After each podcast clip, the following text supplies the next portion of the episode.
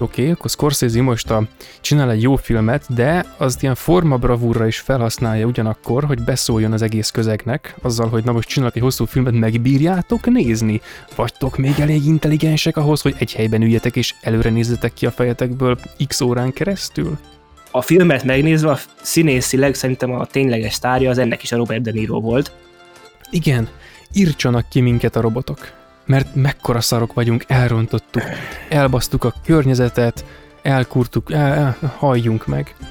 És hogy így, bazd meg, te, valaki komolyan leforgatott egy filmet erről?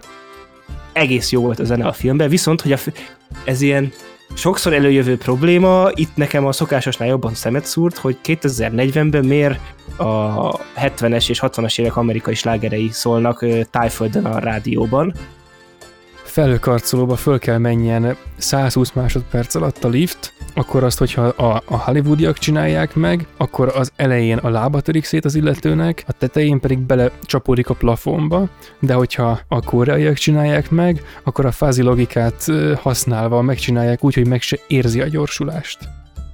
És akkor ugye itt van történet is, de, de, de, de hogy van történet is amúgy. De hogy a, beszélhetünk róla, mert hogy, de jó, de hogy akkor mondom, hogy több története van, mint egy átlag slashernek.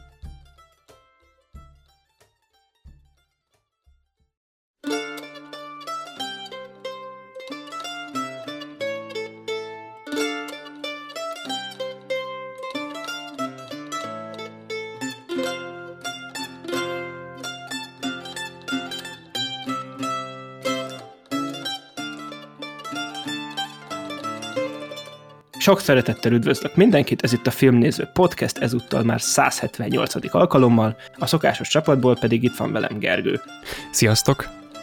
És én, Lehel, ezúttal ketten vagyunk, ami nem jelenthet mást, mint hogy ismét sima filmes adással jelentkezünk, amiben ugye a közelmúlt uh, mozi, premierje, mozi premierjeiről, streaming premierjeiről és általában a közelmúltban megjelent filmekről fogunk értekezni, és akkor egy kis helyesbítés, hogy én a Youtube-on a közösségi felületen közé tettem, hogy akkor először Kung Fu Panda lesz, és utána sima filmes adás, itt ilyen vészhelyzeti válságkezelés történt, és a két adás felvételét is fölcseréltük, és ezért is van az, hogy ez az adás előrébb hoztuk, a Kung Fu Panda pedig egyel tovább csúszik.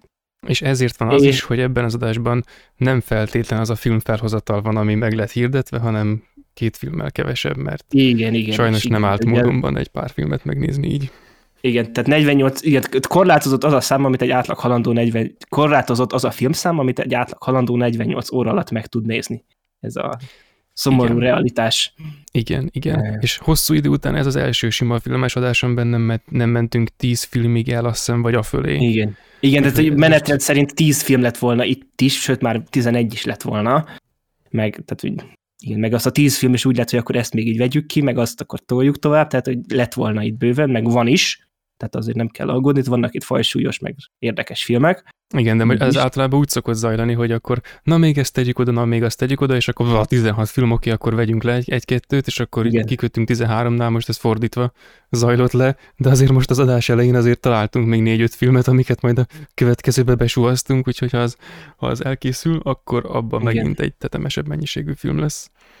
Igen, és akkor az lesz majd ilyen december környékén így az évnek az utolsó sima filmes adása. Meglepő, és, meglepi adás. Igen, és akkor ö, amellett pedig ugye viszont egy nagyon fontos tény, hogy ettől függetlenül a kisebb filmdarabszám ellenére ugyanúgy fog, fogjuk tudni hozni a magyar, koreai és az adásvégi horror kvótát. Úgyhogy Igen. ez így tökéletesen a papírforma azért teljesült. És akkor első körben ugye a thumbnailünk is, meg a tényleg az elmúlt időszaknak a nagy filmszeánsz eseménye, Martin Scorsese, a Irishman, az ír után új filmje, új filmje jelentkezett, Killers of the Flower Moon, magyar címén megfojtott virágok, majd három és fél órás filmecske, és ezt együtt néztük Gergővel, egy kevesebb igen, igen. hete, és igen, tehát akkor előzőlegesen annyit kérdeznék neked, hogy te úgy mit vártál ettől a filmtől, és hogy tetszett? Um, igazából ez most lehet, hogy ez ilyen furcsa lesz, mert a, a közös csetünkre még valamikor azt írtam, hogy huha, a következő Scorsese film meg ilyesmi. Aztán amikor Jani írta, hogy hát ő majd így megnézi, de hogy annyira így, hát majd így megnézi, vagy valami ilyesmi, akkor folytattam egy kisebb ilyen önismereti tréninget, úgy kb. két perc alatt, és rájöttem, hogy, hogy különösebben engem sem nagyon mozgat meg az, hogy fú, a következő Scorsese, meg a következő valami. És hát így most nem akarok rossz májú lenni, de úgy tűnik, hogy amúgy a közönséges se annyira, és erre valószínűleg a Scorsese maga is rájátszik egy kicsit, és ez így visszamenőleg, vagy így körkörösen így összefügg azzal, hogy én miért nem rajongok annyira, amikor jön egy következő Scorsese film, nem mint hogyha nem tetszett volna minden film, amit láttam tőle, bár nem teljes a, a Scorsese műveltségem.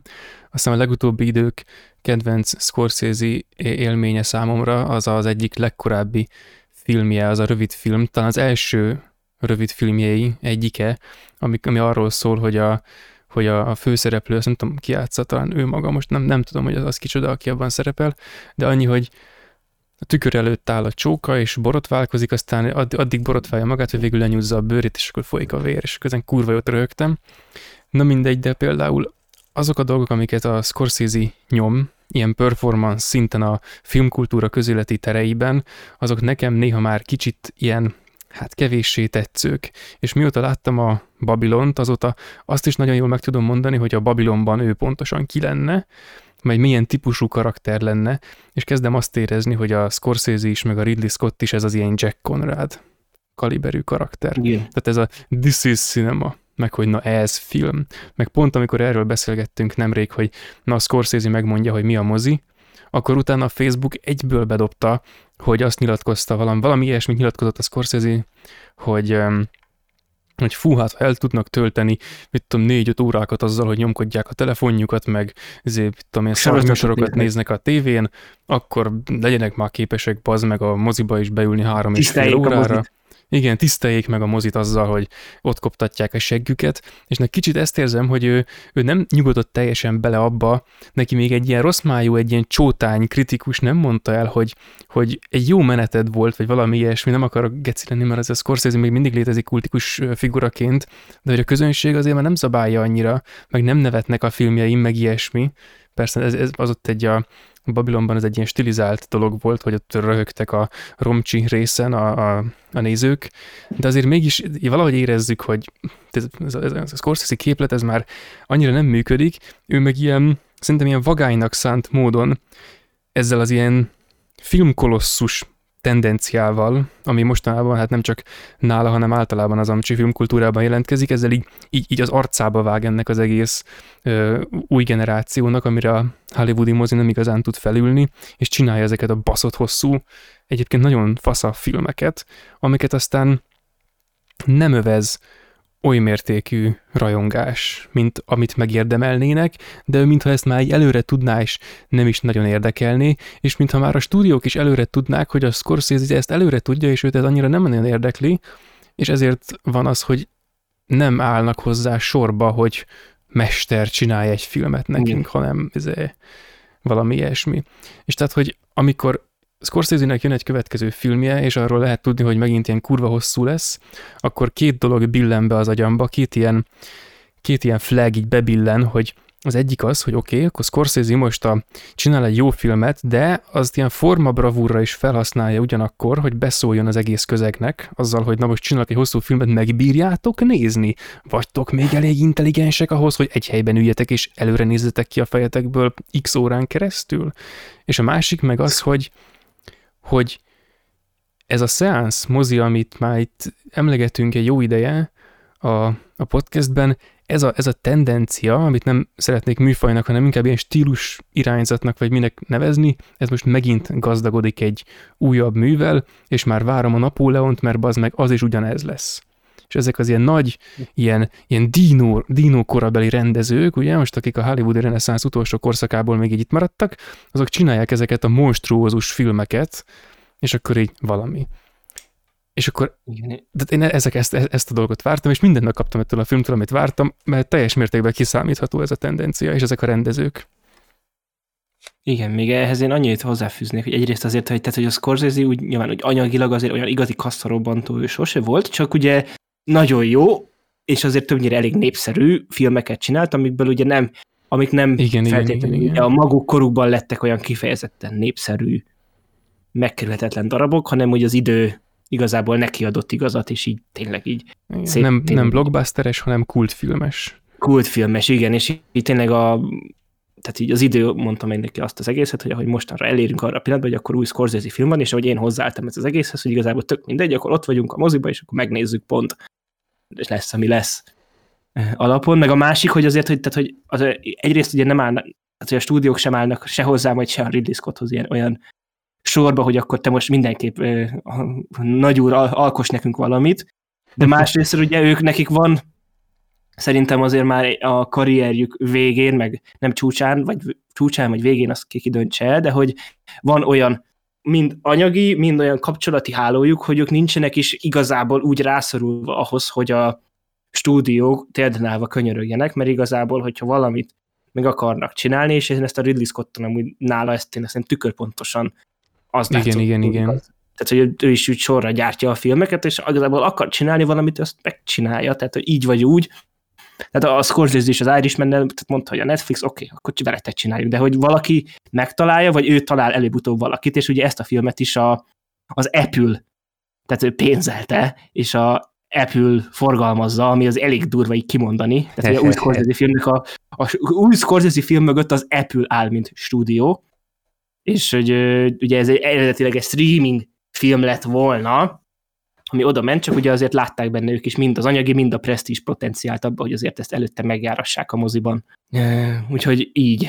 És akkor maga a film pedig tényleg, ahogy te is mondtad, én nagyjából is a hasonló élményre számítottam, mint amit kaptam, azért nekem egy ilyen kifejezetten egy kellemes meglepetés volt, vagy egy kellemes felismerés, hogy ugye így direktbe Scorsese filmet tényleg úgy leülve, így egészet végignézve, szerintem tényleg az Irishman-es mozi óta nem láttam, és azért az már volt majd négy éve, vagy pont négy éve volt, és hogy egy kicsit így elfelejtettem, hogy mennyire mennyire jó sodrása van ezeknek a filmeknek, annak ellenére, hogy három órája, három és fél órásak, és ennél is az, hogy tényleg a, amit ugye pont a Discord szerverünkön kérdezte az egyik ö, ö, tag, hogy hát, hogy indokolta a három óra, és akkor arra nagyon frappánsan azt írta neki, hát, hogy, hogy egy percig nem unatkoztunk rajta, és tényleg szerintem bárki beül, az nem fog unatkozni rajta, mert van egy olyan jó sodrása, technikai felépítése, meg vágása az egésznek, meg ahogy elő van adva, meg amit előad, stb. ez így mind hatványozódik, és hogy ez nekem egy tökre egy ilyen pozitív újra felismerés volt, hogy amikor ugye a Scorsese csinál egy ilyen monstrumot, és akkor már lett egy az ember, hogy oké, okay, most ugye úgy ül be, hogy három és fél órás filmet fogok nézni, és mi van, hogyha izé, de hogy nem kell emiatt aggódni, ez egy Scorsese film, és nem fogsz rajta unatkozni. Igen, ezek egy kicsit ilyen bizalomfilmek is egyébként, hogy az ember beül, és akkor ha most három órán keresztül kibasznak-e vele, vagy három órán keresztül intellektuálisan és mindenhogyan érzékileg, meg érzelmileg szórakoztatják. És ez is kicsit már afelé tolódik, hogy, hogy ezekben a, az ilyen furcsa, tehát hogy Hollywoodban még akkor most már át, átnyergelek egy másik típusú véleményre, hogy ezek az ilyen megbízható, grandiózus filmesek, így kezdenek így körvonalazódni, vagy hát már körvonalazódtak is teljes mértékben, hogy kik azok, akik biztosan szállítanak egy korszerűtlen, de éppen a korszerűtlensége miatt élvezhető Így következő filmet, hogyha ha az ember még ilyenre vágyik valamiképpen, vagy pedig ilyen ilyen kortárs klasszikusokat, ilyen modern klasszikusokat akar, akar látni, amelyekről lehet ilyen, ilyen hát egyesek szerint kulturáltnak mondott diskurzust folytatni, ahelyett, hogy a, a legaktuálisabb dolgokkal kellene kellene képben lenni, mert ezek nem kifejezetten kortárs képlet szerint készülnek, és ez nem azt jelenti, hogy mit tudom, 1930-as évek stílusában rendezett filmek portálódnak át valahogy a filmkultúra kontinumán keresztül így ebbe a, ebbe a korba, hanem ezek, ezek nagyon-nagyon modern filmek mindannyian, de egy egész más léptékkel dolgoznak. Valószínűleg ezért is lassulnak be, tehát az olyan filmek, mint ez, meg a Ridley Scottnak a, ezek az ilyen kortárs próbálkozásai, ezek azért is, szerintem azért lassulnak erre a tempóra, vagy nem lassulnak, hanem azért terjednek ki erre a terjedelemre, mert ezek így már így ráérnek, vagy hogy mondjam. Mm. Tehát ők pontosan tudják, hogy nem fognak utána futni annak a kornak, ami őket már régen lehagyta, de nem is hajtja őket semmi mert ez a hajtás ez nem rájuk vonatkozik, tehát ők már megcsinálják ezeket a, ezeket a filmeket, ezeket a sztorikat már így el lehet mesélni, és ezek a sztorik nagyon hálás történetek. És egyébként Meg, picit a... De mondja csak. Csak van, hogy stúdióvezető legyen még hozzá a talpán ráadásul, aki majd megmondja a scorsese hogy tök jó, de akkor még egy órát vágjál már ki belőle. Aha, hát, hát igen, igen.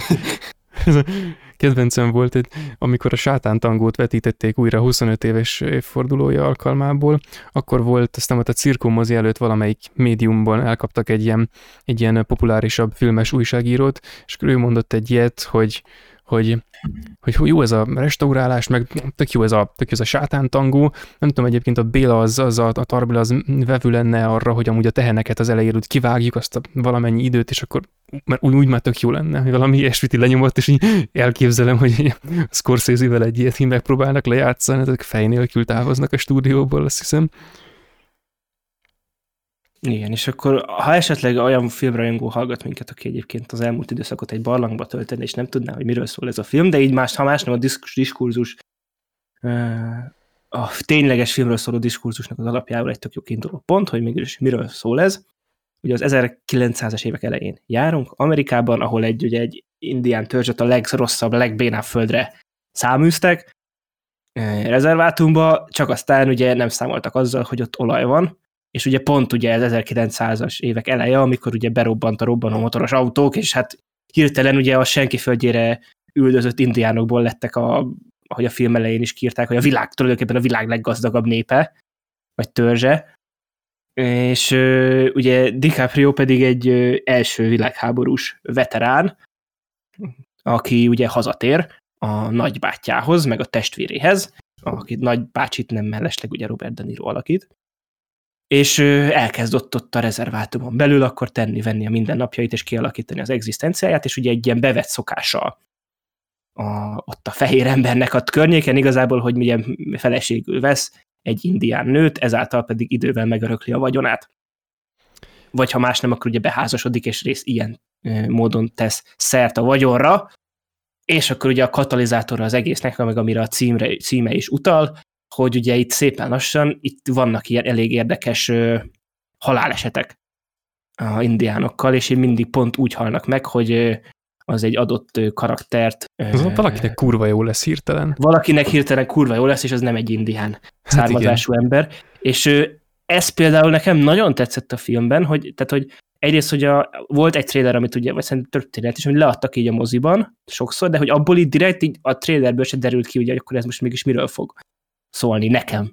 És hogy ugye a film is így viszonylag sokáig így nem tényként kezeli azt, ami amúgy tényszerűen megtörténik. Igen, igen, pontosan. Ez pont, és ez, ez tök jó, ezt akartam én is mondani, hogy ez, ahogy te elmesélted az elején, miről szól a film, ez pont az volt, ahogy a film kb. az első két órájában mutatja azt, hogy miről fog szólni a film. Mert egy darabig tényleg úgy tűnik, hogy hó, most akkor szerelem, beházasodunk, ilyesmi, aztán egy kibontakozik szép lassan de ilyen kurva lassan, és ilyen nagyon érzékletesen. És nem egyértelmű sokáig. Tehát, hogy és nagyon sokáig. Az, hogy igen, hogy sejteni lehet, de, de hogy így tehát, igen. Hogy nem derül ki sokáig.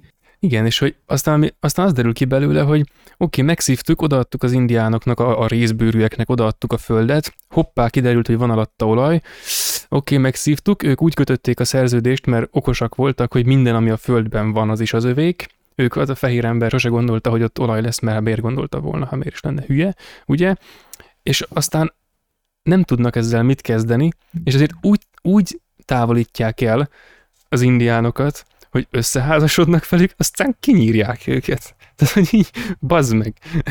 Ez az ilyen és ugye az a... elképesztően erkölcstelen, hogy ő hát ritkán talál ki az ember, tehát, hogy, vagy ritkán történik ilyesmi a, a, a világban. És akkor mellé ugye az a filmben is elhangzó mondat, ugye, hogy, tehát, hogy nem fognak egy fehér embert elítélni azért, mert megölt egy indián, tehát hogy igen, ez akkor még ez a státuszból. Igen, tehát ilyen nem történik meg, stb. És igen, és akkor ugye van itt egy DiCaprio, meg egy Robert De Niro, és akkor ugye hát itt a DiCaprio volt ugye a fő sztár név, akivel így próbálták ugye promotálni az egészet, meg eladni, és hogy majd beszélünk akkor, amit a film után ugye mi is ecseteltünk ott élőben, hogy ugye a DiCaprio milyen karaktereket játszik, meg egyébként nekem az is egy kicsit így tisztázódott, hogy akkor itt igazából szerintem mérő volt így castingolva erre a szerepre egyrészt, de a másik, ami ilyen nekem, hogy szerintem az egész filmnek ugye a, a, a filmet megnézve a színészileg szerintem a tényleges sztárja az ennek is a Robert De Niro volt. Igen, tehát, igen hogy, szerintem is. Tehát, hogy és a, emlékszel, a tavaly volt az Amsterdam című film, ahol megint az volt, hogy a Robert De volt benne egy ilyen epizód szerepe, és egy ilyen nagyon egyszerű, hálás, szimpatikus karaktert kellett eljátszania, de annyira kurva jó volt abban a szerepben is, hogy ez így ott emeltük ki, ugye, hogy, hogy ott a filmnek egy nagyon káoszba fulladó fináliában, ott a Robert De Niro, és itt egy ilyen tábornokot alakít, és így ez az a, olyan szintű jelenléte volt, hogy így utcán odaszólna hozzád ez az ember, és igen, tábornok, igen. Igen, igen. És akkor nyilván itt egy teljesen más karaktert alakított, de annyira nem is tudom pontosan a szavakat, de hogy a hitele, hitele egyes hiteles volt. Tehát, hogy itt megint az volt, hogy a, ezt meg a Christian Bale-ről mondtam annó a, az alelnök kapcsán, de hogy annak ellenére, hogy itt egy Robert De Niro, akiről tudjuk, hogy ő a Robert De Niro, és ő a, a, a Robert De Niro, és hogy, de hogy amikor nézed a filmet, akkor nem Robert De Niro-t látod semmilyen szinten, hanem azt a karak, a, az uncle, meg a királyt, akit ő játszik. Ugye, a igen, igen, pontosan, és hogy ez akkora teljesítmény egy ilyen színésznél, tehát ezt, ezt pontosan tudjuk igen. a sztárkultusznak a, a különféle alkotásmódjait figyelgetve, hogy a híres színészeknek a teljesítménye az időben szépen lassan elkezd rájuk nőni, és már a való életben az ő színész valamiük válik szereppé, és az a szerep költözik be azokba a filmekbe, amikben aztán szerepelnek. És ezért, ezért van az, hogy az ilyen híresebb színészekre azokra már úgy nézünk, hogy á, itt van ő, aki éppen alakít valamit. Tehát az, nekik ilyen személyes mitológiájuk támad a, a filmek nagy mitológiáján keresztül, egy saját történetszáluk van, hogy éppen ebben ezt alakították, abban azt, és magának a, a színész karriernek lesz egy története. És ez gigantikus, hatalmas teljesítmény, hogy a, a Robert De Niro képes megcsinálni azt, valahogy ez így megtörténik vele, nem tudom, ő csinálja, vagy megtörténik, de igazából teljesen mindegy, hogy mégis autentikusan az a szereplő üt át a, az ő arcjátékán és az egészen, tehát az egész színészjátékán, amit ténylegesen alakít, és ami a történetben szerepel, és nem a való életben, aki ő. És ez, ez, ez, ez, ez, ez nagyon zseniális. És szerintem ezt a Robert De Niro csinálja, mert most így eszembe jutott egy másik példa is, hogy megint egy Robert De Niro epizód szereplő egy másik filmben, de hogy a Jokerben is ott egy minimális szerepe volt, de hogy ott is egyszerűen az volt, hogy ott is élszínpontból valamilyen szinten nekem, nekem a filmnek ott is a fénypontja volt, hogy a, azt a tévés karaktert ott is annyira tökéletesen hozta, és annyira nem a Robert De Niro-t láttam, hanem azt a karaktert, akit alakítja, és ez viszont ebbe a filmbe viszont a fajsúlyosabb szerepe miatt ez sokkal erősebb és átütőbb volt. És akkor mellé pedig itt van ugye Leonardo DiCaprio a mondhatjuk főszerepben, ami egyrészt egy, egyébként egy, igazából egy jó húzás szerintem, olyan szempontból, hogy őt castingolták a szerepre, mert ugye egyrészt így a, tehát, tehát kevés népszerűbb színész van a világon ma, mint ő.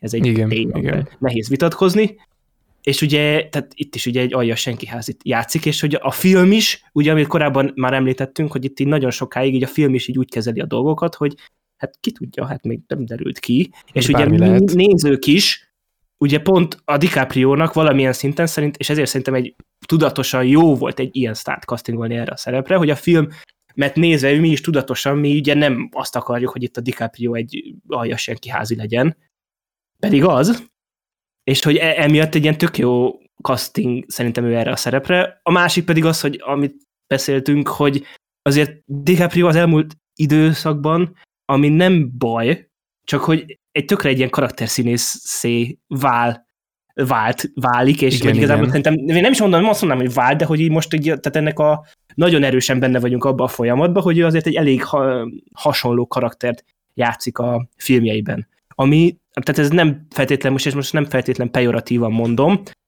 de ezt ilyen érdekes megfigyelni, hogy azért neki egy elég széles spektruma volt, és sokféle karaktert játszott sokféle filmben.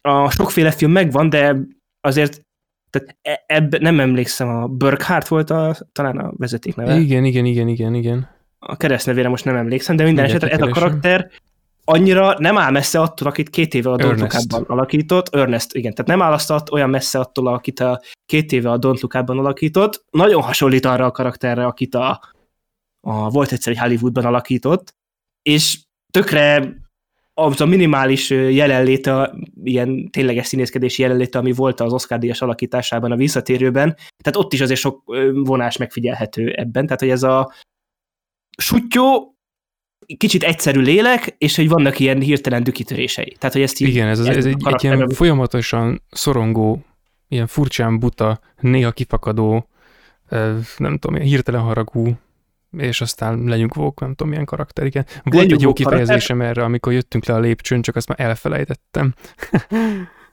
és az, hogy nyilván ez ebbe tűnik ki ebbe a filmbe leginkább, vagy így legkontrasztosabban, de ugye az, hogy, hogy a filmet próbálja valamilyen szinten ugye pozitívan bemutatni, vagy ugye pozitív karakterként kezelni, de közben ott vagyunk, hogy és ugye mi ezt ráerősít arra, hogy ezt a DiCaprio játsza ezt a karaktert, de közben pedig a film körülötte, meg ahogy viselkedik, az egy sok szempontból egy taszító viselkedés. Egyébként ugyanaz és a ugye, baj vele, bocsi, bocs mondjad. Hát csak az, hogy ugyanez volt, a, tehát a Don't is ez volt, hogy az a csillagás csávó, tehát nem volt egy szimpatikus faszi, semmilyen szinten. A, ja. Ugyanúgy a színész volt egyszer egy Hollywoodban, tehát abban is egy, tehát egy érdekes karakter volt, de hogy egy szimpatikus ember legyen, az semmilyen szinten nem volt, de a DiCaprio alakította, és ő volt a filmnek idézősen a sztárja. Meg nagyon sok, egyébként tipikusan a Don't Look Up-ban, meg itt is, az vele a legnagyobb baj, hogy egyszerre, tehát nem, nem, hogy is mondjam, tehát ártatlan, de nem ártalmatlan. Tehát egy, egy but, buta valaki csoda, aki azért, mert egy tehetetlen buta gyönges szereplő, azért a, na- a nagyobb, okosabb gonoszok rá tudják venni arra, hogy gonoszságot műveljen. És ez a fajta dolog, ez attól függ, hogy éppen milyen műfajban és milyen kontextusban és milyen történetben mozog a filmben, ez a karakter ez tud nagyon haszontalan lenni, és nagyon gonosz és haszontalan lenni. Tehát a haszontalanság és a gonoszság jelöli ki ennek a karakternek a spektrumát, és akkor tipikusan Don't Look Up az, ahol, ahol, ahol haszontalan volt, tehát ahol végül is semmit nem volt képes elérni, és sok minden pont rajta múlt, itt pedig az volt, hogy nagyon sok minden, túl sok minden múlik már rajta, és ott abban egy, egy, egy ilyen kiáll, a Don't Look Up-ban egy ilyen, nem tudom, egy ilyen kiállásbéli feladata lett volna, hogy akkor érvényesítse a tudományos, intellektuális erőt, a, mit tudom én, punyat, ilyen, ilyen nem tudom, seggekinyalt tömegerővel szemben, hogy mégiscsak felébredjen már a, a társadalom, és ez erre képtelen. A társadalom nem akarja, az intellektuális téren kicsit magasabban mozgó emberek pedig képtelenek rá, hogy ez véghez vigyék. Itt pedig egy ilyen morális nyomás volt mögötte, hogy, hogy kéne tenni ezt és azt, igen. De hát nem, nem tudott semmit csinálni, mert egy tehetetlen senki volt. És pont ez a legrosszabb. Vagy amikor kicsit dolgokat, a... akkor is ugye ilyen nagyon egyszerű befolyásokkal lehetett irányítani. Igen, igen, semmit nem kellett szinte csinálni, csak mondani neki valamit, és így nézni rá. És akkor igen. jó, jó. Kicsit olyan, sőt teljes mértékben szerintem, mint a mint a Harry Potter filmekben a, izé a, a Lucius Malfoy a hetedik, hatodik, a hetedik részekben, mert teljesen olyan. Tehát, hogy egy, valaki, aki beleragadt egy szituációban, nem akar részt venni, de képtelen kimászni belőle, mert az már teljesen behálózta, és ő maga meg egy ilyen egy gyenge szar. Tehát a, az a, a, a, hogy is mondjam, tehát a gyöngeség gonoszsággá fokozódik, mert annyira, annyira gyenge, annyira, annyira semmilyen, hogy abból gonosz lesz végül. És akkor minden mellett pedig a, tehát a, a Scorsese filmekre jellemző ilyen nagyon uh, autentikus mellékszereplő casting, ami még szerintem egy igazán kifejezetten jó pontja volt is színészileg a filmnek, tehát hogy a, az a sok arc, akik ott voltak a filmben, és annyira olyan arcok voltak, amikor tényleg ugye volt sok ilyen uh, utólag legyártott fekete-fehér kép is a filmben, és mind az indiánokkal, meg mind a, tehát mondjuk a, egy példaként a, azt a csávót, aki ilyen rodeós volt, és akkor ott a Robert De Niroval kocsikázott. Igen, igen, igen, igen. És hogy neki is hát, hogy olyan volt az arca, mint egy rodeósnak, vagy lehet, hogy tényleg az volt. Most igen, tudom, de igen. Hogy, tehát, hogy vagy nem simán kinézném belőle, a összes a, a csávó, akinek volt tíz gyereke, tehát ugyanúgy a, a Jesse Plemons, meg az egész FBI-os csapat ott a végén, tehát ők is a, tehát hogy úgy néztek ki, mint egy rakás FBI ügynök, és ez most ez így nem hangzik egy nagy, nagy szónak, de amikor nézi a filmet, az ember annyira, tehát hogy tehát én belőlem ez tényleg ilyen, ilyen idézőesen ilyen zsigeri filmnéző örömöt váltott ki, hogy egy ilyen, főleg egy ilyen abba a korba, amikor tényleg ilyen random embereket castingolnak sokszor na, ilyen, ilyen kaliberű filmekre, meg így a mellékszerepekben teljesen így ilyen, teljesen a nem, tehát a tudatosságnak nem a tudattalansága ellentétje, de hogy a tudatosság ellentétét látom nagyon sokszor, és itt meg nagyon jól felfedezhető ez a konzisztens tudatosság. Hogy Igen, ez, ez egy ilyen vizionáris is... alkotásmód, hogy az ember kitalálja a karakterét, és akkor azt tudja, hogy az nagyjából hogy néz ki, és zajlik egy értelmes, vizionárius ö, casting. És olyan embereket és amúgy... keresnek, akik az, az tényleg, tényleg stimmelnek a, a karakterekre. És egyébként most Hollywoodból, ha visszagondolok, hogy utóbbi időben mi volt, ami hasonló film volt, és hasonlóan jól működött ilyen téren, és ott, amit annál mondtam, ezt a példát majd erre a filmre ugyanúgy föl el tudom most mondani, de egy ilyen messze levő példa, de szerintem például a Batman volt ilyen, ahol ez, ugyanez a tudatosság érződött, és annak olyan szempontból annak egy, egy sokkal markánsabb példája, hogy ugye az egy szuperhős akciófilmen belül meg tudta ezt hozni, és az olyan szempontból volt egy nagyobb bravúr, hogy azért egy kevesebb mi így, mint átlag filmrajongók, ezt kisebb eséllyel várjuk el egy olyan filmtől, egy ilyen filmnél ez így nyilván ez nagyobb eséllyel benne van a pakliba, hogy ez meg fog történni, de ettől függetlenül így, ahogy megtörténik, ez egy ilyen tökre egy ilyen kellemes élmény, és az a másik, hogy nyilván, hogy az, tehát ez a film is azt reprezentálja, amit ott elmondtunk annó a Batmannél, hogy amikor készül egy ilyen giga hollywoodi film, akkor valamilyen szinten ez lenne az alap, ami ugye egy kiindulási pont az elkészítésénél, csak ugye a mai Hollywoodban nem ez a helyzet, és amikor egy ilyen megtörténik, akkor így tátott szájjal nézzük, hogy ez milyen kurva jó is tud lenni. Igen, pontosan. És ugye, hogyha közös nevezőt akarunk találni, hát akkor mondhatjuk, hogy a, a Batman óta emlegetjük mi ezt a Seance mozi dolgot. Tehát, Igen. hogy nem hiába ott is a, azért hatalmas terjedelem, a nagyon konzisztens és következetes ö, tempó egész végig a filmen, ugyanígy a színvilág, a színészeknek ez az értő kiválasztása, és a ritmikus zene. Tehát, hogy igen. ezek, amik, ezek az ilyen legsarkosabb pontjai, most még biztosan lenne három-négy jellemző, amit össze lehetne gyűjteni, hogyha ha minden ilyen filmet átvennénk az utóbbi időben, amik készültek, de egy, egyértelműnek tűnik, tehát a, a, a casting tudatossága nagyon fontos, és tényleg ott is megfigyelhető, itt is megfigyelhető, és e, nem tudom, ezek a filmek valahogy a hagyományos értelemben jól működnek. Hát meg az, hogy amikor az ember azt mondja, hogy fú, na ez egy jó film volt, akkor tehát így ez egy fontos része neki, tehát hogy és így, erre gondolunk, meg amikor tudjuk azt mondom, hogy most megnéznek egy ilyen jó filmet, akkor így erre gondol az ember, hogy na ez, úgy ültem föl, hogy, hogy megnéztem a három és fél órát, de egy percet nem érzem úgy, hogy elvesztegettem, sőt, hogy több lettem és adott valamit. Igen, és különben az is, az is hozzátesz még ehhez, hogy itt a, azért a mesélésnek volt egy igazán intelligens és ilyen, ilyen különlegesen intelligens módja ebben a filmben, amiben még a, nyilván a Batmanen túltenni ért nem, nem olyan kifejezetten nehéz, de most ebben az esetben mégis ehhez a kifejezés módhoz kell ragaszkodnom, tehát hogy mondjuk visszatérek most kicsit ehhez az FBI ügynökös témához, hogy ugye most méltattuk, hogy ők milyen jó casting gok, milyen, jó, milyen jól lettek kiválasztva maguk a színészek, hogy már alapból úgy néznek ki, mint azok, akiknek tűnniük kell. És hogy ők is azért keresztül mennek a film során három stáción, hogy Igen azok, akik, ők tűnnek valakiknek, és mi tudjuk róluk, hogy ők kicsodák, és hogy a szereplők tudják, most itt kétszer mondtam azt, hogy mi minek látjuk őket, de ez egyébként három szempont, Igen. és hogy igazából semmi nem történik velük. Tehát nem kezdenek el máshogy kinézni, nem öltöznek át, nem, nem, nem sminkelik át őket, hanem a, a történetnek ezzel az intelligens folyásával, árnyalatokkal, ahogy a film első két órája, a nagyon ráérő film első két órája árnyalatnyilag folyamatosan változtatva a történeten kifejti, hogy mi is zajlik a háttérben, ami egyszer ennek tűnik, aztán annak tűnik, aztán amannak végül azzal, azzal radikalizálódik, hogy akármicsoda. Ugyanígy a, a színészeknek a megítélése is árnyalatokkal folyamatosan nagyon lassan odébb megy.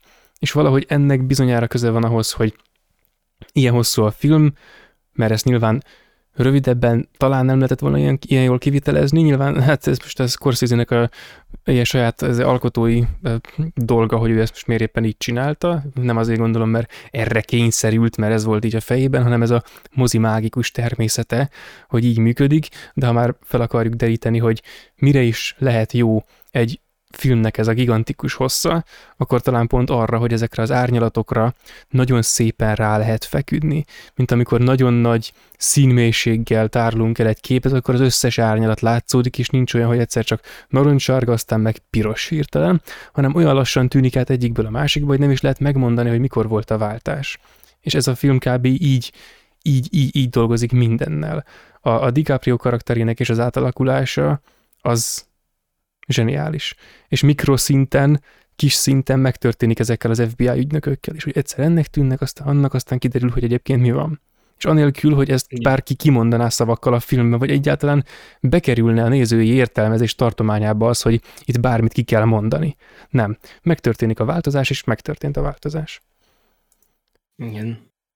És akkor egy ilyen apróság eszembe jutott menet közben, amit a, tehát ott a moziban így kiszúrtam a film elején, és így gondoltam, hogy mondom neked, hogy te figyelj már, mindjárt mondom, hogy mire, és ö, csak aztán így úgy voltam, hogy mondom, hogy ha te nem szúrtad még ki, akkor nem rontom el ezen neked az élményedet, de hogy ha, tehát hogy az elején, amikor megérkezik a Robert De Nirohoz, a DiCaprio, és elkezd beszélni vele, és akkor az első fázis az az volt, hogy mondom, ezzel a DiCaprio-val itt most valami nem stimmel. És így nézem, nézem, és hát a, hogy ugye, tehát a, a fogai nem olyanok voltak, mint amúgy a neki, és akkor miután a második fázisba kiszúrtam, hogy akkor a fogai nem stimmelnek, és az volt a harmadik fázis, hogy akkor, tehát hogy CGI fogai voltak. És akkor Ah. mondom, hogy, hogy, hogy szóljak -e neked, hogy te figyelj már, mondom, ezek CGI-ok a fogai. Most már értem. Azt meg tényleg? És hogy, a- de igen, csak ez az, hogy az, az, az első jelenetnél így, így, így ezt a suspension of disbelief, tehát ezt, így, ezt teljesen megszüntette ott egy jelenetig, utána így, így, tehát így elfogadta, és így utána mi ráállt a szemem.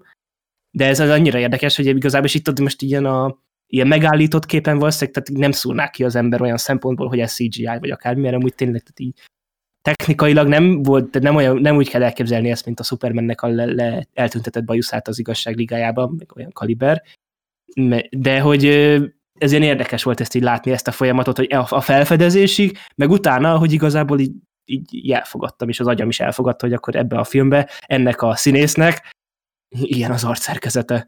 Igen, amúgy baszki, most, hogy mondod, tényleg volt benne valami egész végig.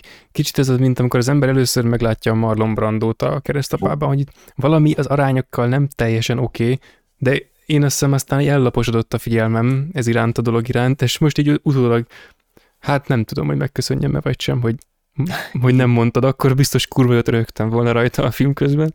Mások nem köszönték Minden- volna meg neked, hogy mondtad nekem. az önuralmam. Igen, na igen, de úristen, az erre soha nem gondoltam volna, hogy ez a CGI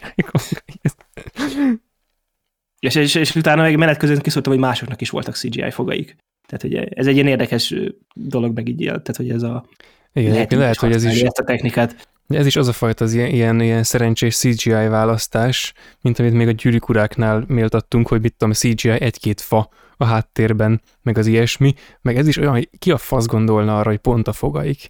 Tudod, az ilyen kis Hát igen, de ugye még az, hogy amikor, nem a, amikor azt ugye, hogy történetmesélésre használja, egy, ez egy filmes eszköz, amit ugye a történet meséléshez használtak tulajdonképpen.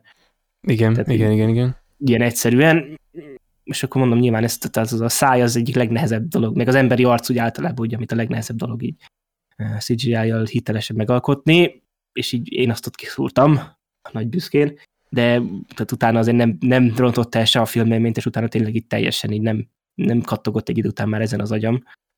És kivéve akkor, amikor jött egy új szereplő, akinek szintén ilyen fogai voltak.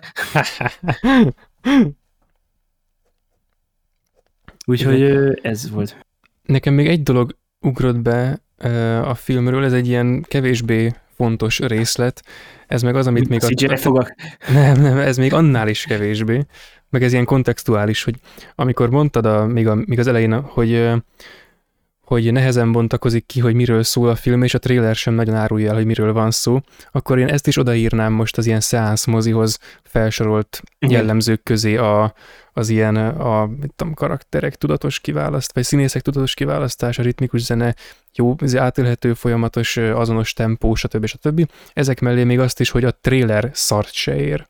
Tehát Hát- a, vagy nem úgy, hogy szart se ér, persze nem, nem. Nem. azt mondom, hogy szart se hanem nem is, nem is lehetséges. Tehát, hogy a, Igen. ahogy a Babilonnál is megemlékeztünk róla, tehát, hogy a, amikor így az ember túl van azon, hogy megpróbálja átadni egy thrilleren keresztül, hogy a filmje mégis miről szól, mert az akkora dologról szól, hogy be kell szarni, akkor lehet, a, mondjuk a Babylonnak én is olyan thriller csináltam volna, hogy hát akkor kivágok egy részt, mert érted, és az ember a film után megnézi, akkor már érti, hogy ja, hát persze, hát végül is csak táncolnak, érted?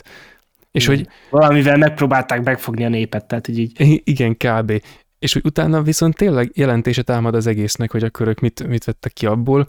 És úgy én nem láttam ennek a filmnek ezt a ezt a trailerét, azt hiszem, vagy talán egyszer, egyszer lehet, hogy levetítették, de nem emlékszem, hogy miről szólt, csak a Scorsese-nek a neve, neve ragadt meg bennem. Ja, meg még egy dolog. Egy, Ugye a trailereknél akkor még hmm. ahogy maradjunk ott, hogy egyrészt nekem az izé maradt meg a trailerből egyedül, amikor a, a Jesse Plemonsnak az ügynöke megérkezik, és akkor bekopogtat a DiCapriohoz, és akkor van az a ilyen szórakoztató párbeszéd, hogy hát hogy jöttem a gyilkosságokat megnézni, és akkor ugye visszakezd a DiCaprio, hogy ja, what about them? És akkor who's doing them? igen, igen. Na, Na, az ez, benne volt igen. a trailerben, de hogy a trailerben is ugye egyrészt nem derül ki, hogy akkor most mire vonatkozik.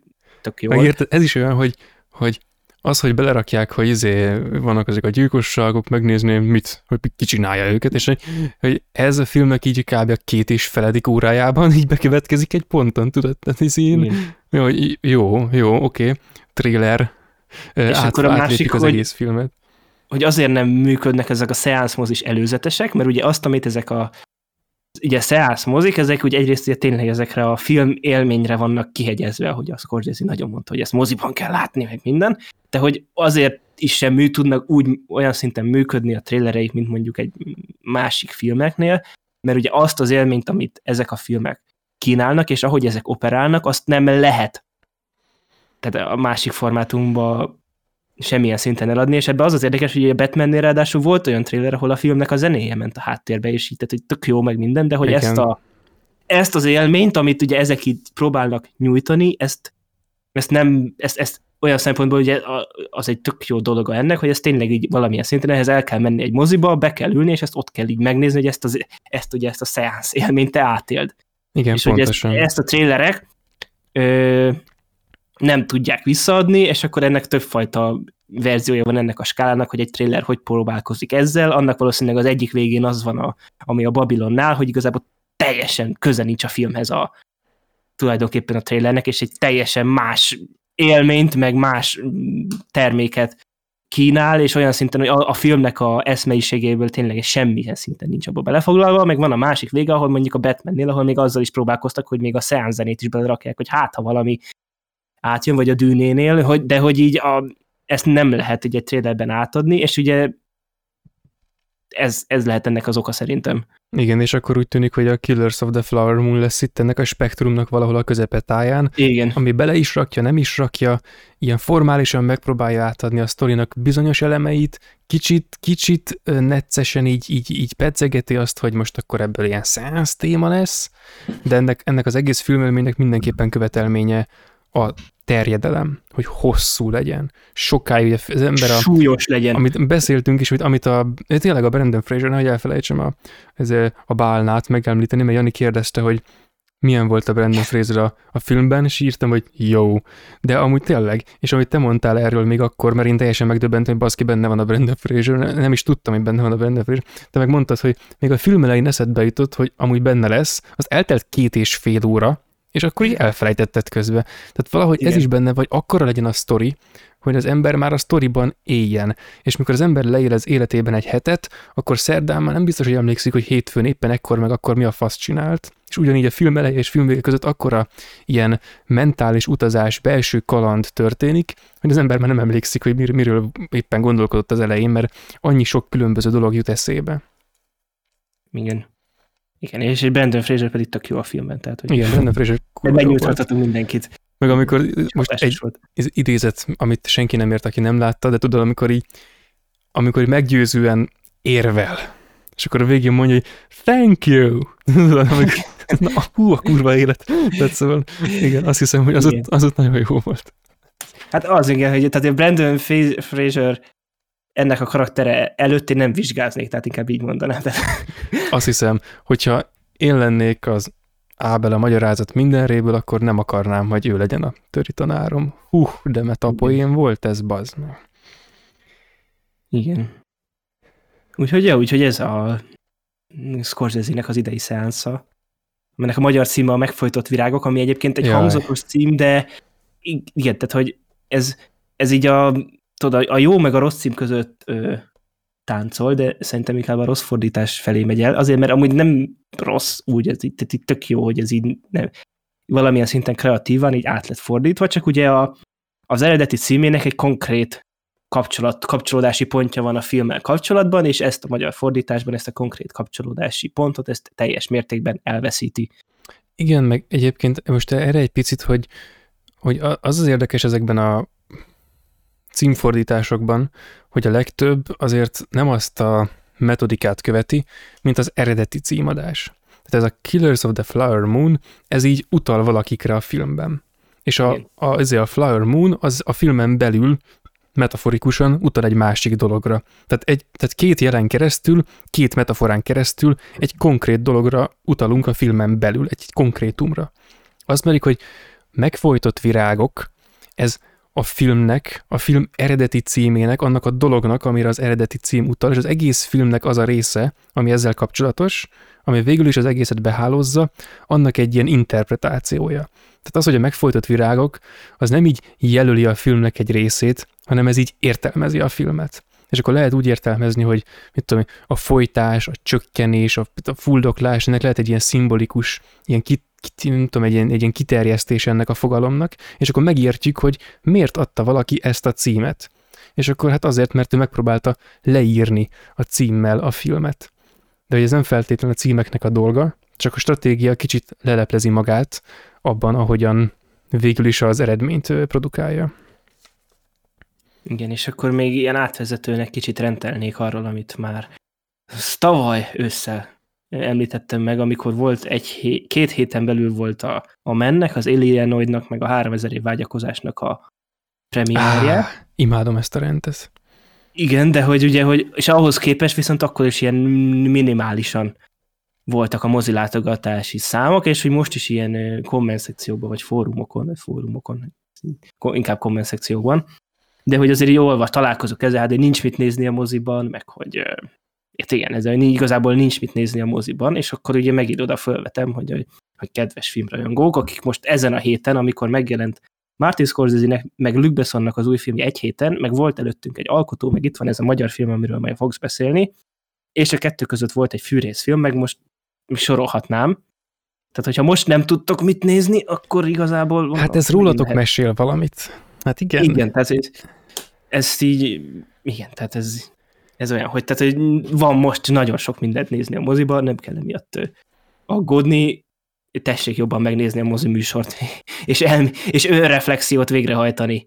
Igen, meg, meg, így, meg így portyázni kell. Tehát én egy csomószor jártam úgy, hogy mondjuk én szerencsés vagyok ebből a szempontból, mert ahogy, ahogy jövök hazafelé, akkor hogyha villamossal jövök, tehát nem akarok olyan hamar hazaérni, hanem van időm nekem itt villamosozgatni a azért városban, akkor a, az ezek között, a nem siető útvonalak között az egyik leggyorsabb, az végigvisz az összes művészmozi előtt, és akkor így megesik, hogy ó, most elment az egyik, ó, most elment a másik, akkor leszállok a harmadiknál, bemegyek, és akkor így portyázok, hogy akkor mi van, és ó, ott egy cím, egy plakát, akkor így beülök, és áj, anyád, ez egy jó film volt, tehát hogy így nem tudom, nem kell arra várni, hogy a moziházhoz menjen, mert amúgy nem fog. Oda sajnos egyezményesen és kulturális történetünket áttekintve az embereknek mindig el kellett menni, és ez valahogy ezt így meg kell ugrani ezt a dolgot. Persze oké, oké, jön a tél, meg a faszom, a hideg, és ki kell menni a házból, de ott vár a meleg mozi, tehát hogy így, akkor így túléljük az utazást, és akkor ott lesz egy jó film, meg egy jó hőmérséklet. És akkor Gergőnek volt ez a romantikus érvelése, meg a szemantikus, én meg a pragmatikus verzióval, én ajánlom mindenkinek a mozipremierek.hu nevű oldal, ahol meg lehet, az egész éves filmlista ben van, dátumokkal, melyik héten mi jelenik meg, én ezt ajánlom mindenkinek egy, tényleg egy ilyen havi rendszerességgel mindig átpörgetni, hogy akkor még idén mi fog megjelenni.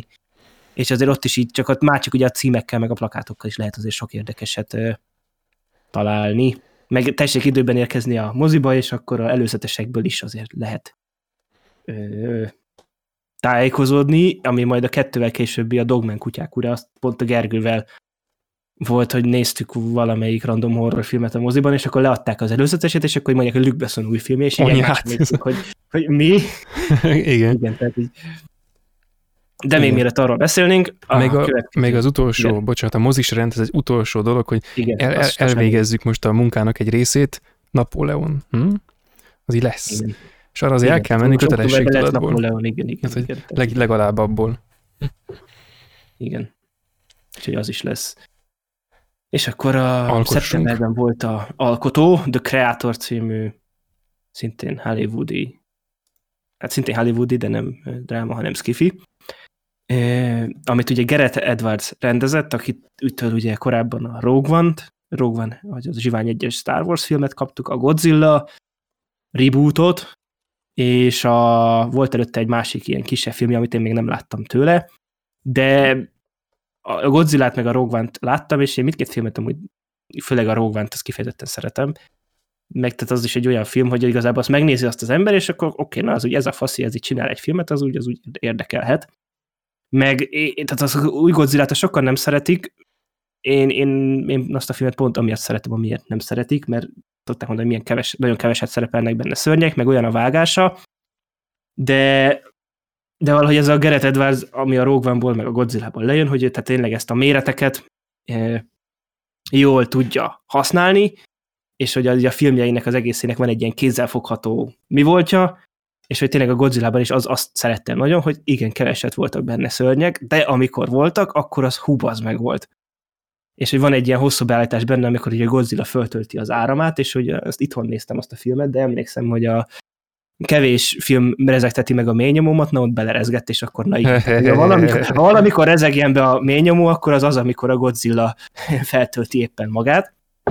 Na és akkor ez a csávó most rendezett egy új filmet, aminek egyébként az a érdekessége, hogy ezt ilyen sok szempontból ilyen gerilla módszerekkel forgatták, és azért van az, hogy ugye, hogy ennek mondhatni mindössze, de hát azért az nem mindössze összeg, hogy 80 millió dollár a költségvetése, ami ugye ránézve a filmre, azt így az átlag ember a korábbi ismertek alapján azért ezt többre satszolná. Ja. És ez azért van ilyen alacsony költségvetése, mert ezt ilyen nagyon gerilla módszerekkel forgatták, egy pici stábbal, és tényleges helyszíneken ott Tájföldön, meg Dél-Kelet-Ázsiában, meg Los Angelesben, és tehát tényleg minimális tábbal, és így utólag, tehát olyanok vannak, hogy amikor a film elején ott a, van egy ilyen sötét napfelkeltés strandon egy ilyen lövöldözés, hogyha megállítod, akkor a háttérben egyébként ki lehet szúrni, hogy ott van a parton ilyen fények, és azok a fények ott a hátul, hátul a parton, azok azok, hogy ott amúgy volt egy ilyen bár, ahol amúgy zajlott az élet, miközben ők ott forgattak. és akkor igazából az egész filmet így felvették ott helyszíneken, és akkor mindent úgy csináltak, hogy majd utólag, utómunkával majd amit oda kell rakni, azt majd oda tesszük. És ezért tudták ilyen viszonylag alacsonyan tartani a költségvetését. És még egy érdekes technikai info a filmhez, ami majd így a kritikánk hoz szerintem azért elég relevánsan kapcsolódik, hogy ennek az eredeti vágása ennek a filmnek az öt órás volt. Tehát, hogy amikor elkészült, el, megcsináltuk, mm. összevágtuk, amit elkészítettük, összevágtuk, és akkor lett egy öt órás film belőle, és akkor abból lett ez a két órás filmecske. És akkor ugye ez a Filmetűdöcske. Igen, filmetűdöcske, hogy a jövőben ö, már van mesterséges intelligencia, meg a film elején egy ilyen nagyon hangulatos ilyen montásban láthattuk, hogy ugye ebben a világban egy kicsit hamarabb megjelentek a robotok, mint a mi világunkban, és egyik pillanatra a másikra a robotok az emberek ellen fordultak, és ledobtak egy atombombát Los Angelesre, ezért ugye az Egyesült Államokban betiltották a mesterséges intelligenciát, de a világ másik fele nem értett velük egyet, és akkor egy ilyen kétpólusú világban egy ilyen háború alakult ki, és akkor a John David Washington karaktere pedig egy kettős ügynök volt, aki beépült ezekhez a, a gépeket támogató emberekhez, és akkor lényeg a lényeg, hogy most a robotok kitaláltak egy hiper-szuper fegyvert, ami megfordíthatja a háború menetét, és ezért újra akcióba kell lendülnie, és úgy győzik meg ugye a, a egyenruhás emberek, hogy mutatnak neki egy felvételt, hogy az ő neki, az a halottnak hitt egykori felesége még életben van.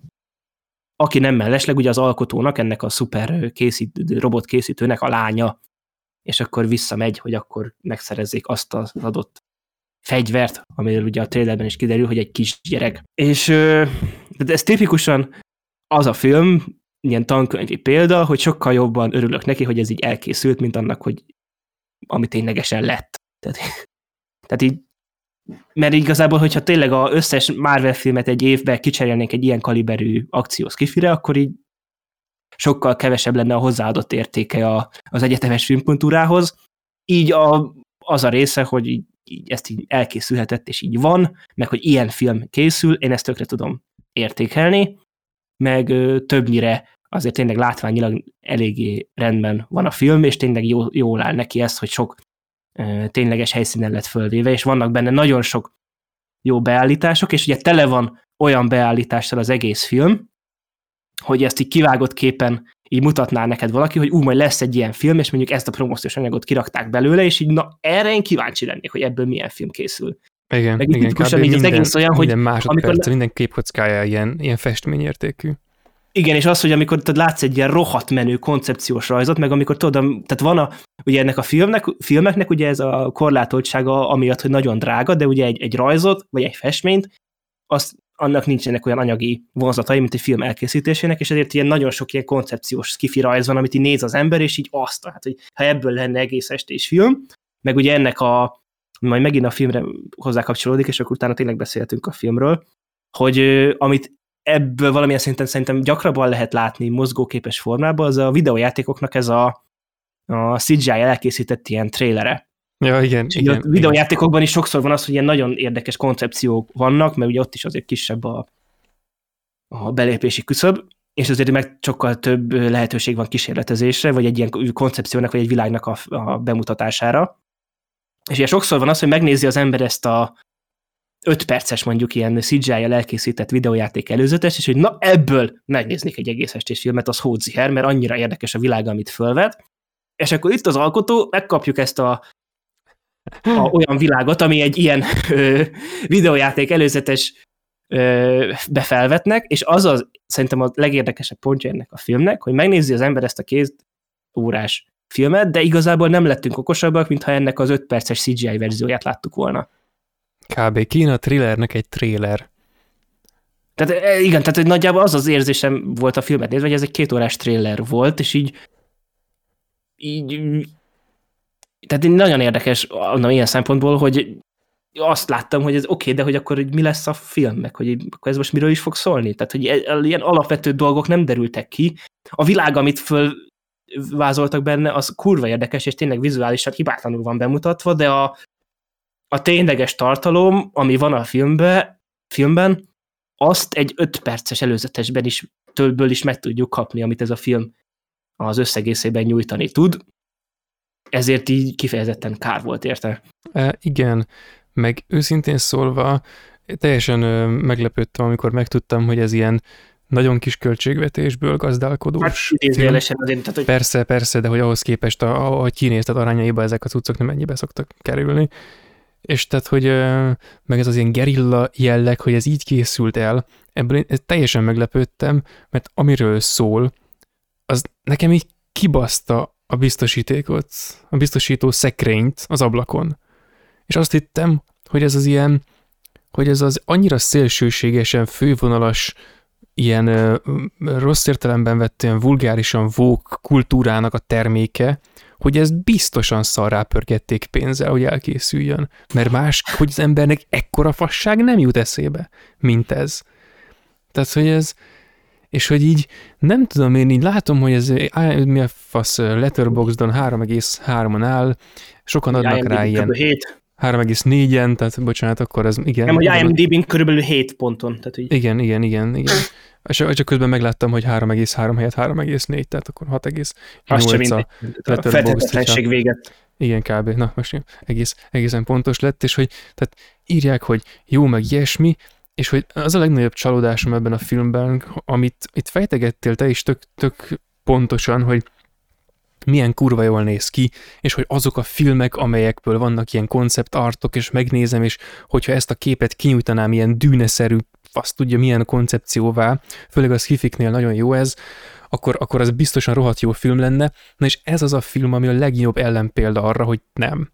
Elkészül egy film, aminek minden képkockája olyan, hogy úristen, ez miről szólhat, mert ez kifi, amikor jól néz ki, ó, a baszki, az biztos valami kurva jóról szól. És hát mi? Mi?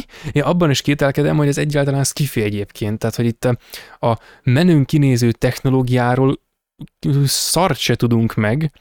Van egy ilyen nagyon béna ö, magyarázat arra, hogy hogy is működik ez az AI, meg hogy is működnek ezek az ilyen kvázi replikánsok, akik itt járnak kellnek, de azért kurvára látszik rajtuk, hogy hogy is mint van ez a dolog, tehát nem igazán érti az ember a, a, a dolognak azt a felét, ami az ő kiírtásukkal kapcsolatos, meg az ilyesmi, meg hogy van ez a nomádnak nevezett dolog, amit most nem azonosítok, hogy micsoda a spoilerek elkerülése véget, de hogy ennek azon kívül, hogy jön, megy, és hogy nagyon látványosan művel bizonyos szörnyű dolgokat, vagy hát morálisan elítélendő dolgokat, amelyeket így az emberek a szájába rágnak, hogy ez, ez kurvára nincs rendben, kedves néző, hogy ezen kívül mi a pénisz értelme van, azt egyszerűen nem tudtam dekódolni, és különben ez, ez ritkán esik meg velem, hogy így ilyen, ilyen elejtett szavakat így hallok ki más embereknek a beszélgetéséből, de most volt a koreai filmfesztivál, és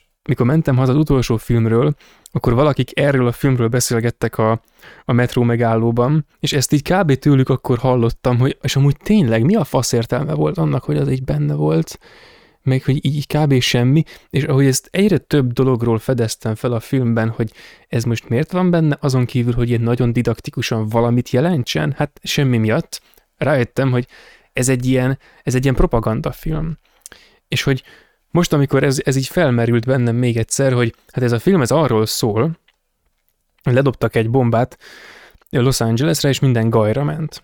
És akkor miről szól a Terminátor?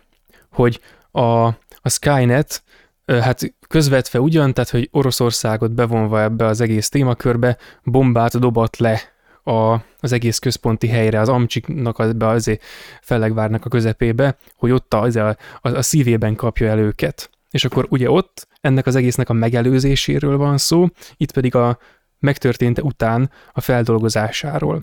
Na de hogyan történik ez a feldolgozás? Most egy kis, kis ilyen ideológiai faszverést megengedek itt magamnak, mert egyszerűen ezt nem értem, hogy ezt hogy sikerült Ez a, tehát ez a film, ez arra való, ez arra jó, hogy mire elérkezik a Terminátor időszak az emberiség történetében, tehát az a korszak, amikor, az, amikor a mesterséges intelligencia tényleg öntudatára ébred, és rájön arra, hogy az emberiség egy szar, amely egy ilyen globális, posztmodern, aktuális, ilyen szorongásra kb. Mindenki, mindenkinek, aki az ilyen fejlett, vagy ebben a nyugati kultúrexport területein él, az, hogy az ember is erre a robotok rájönnek, és nekiállnak minket kiírtani, addigra nekünk embereknek ezzel már semmi bajunk ne legyen. Sőt, gondoljuk úgy, hogy igen, írtsanak ki minket a robotok, mert mekkora szarok vagyunk, elrontottuk, elbasztuk a környezetet, elkurtuk, el, el, halljunk meg.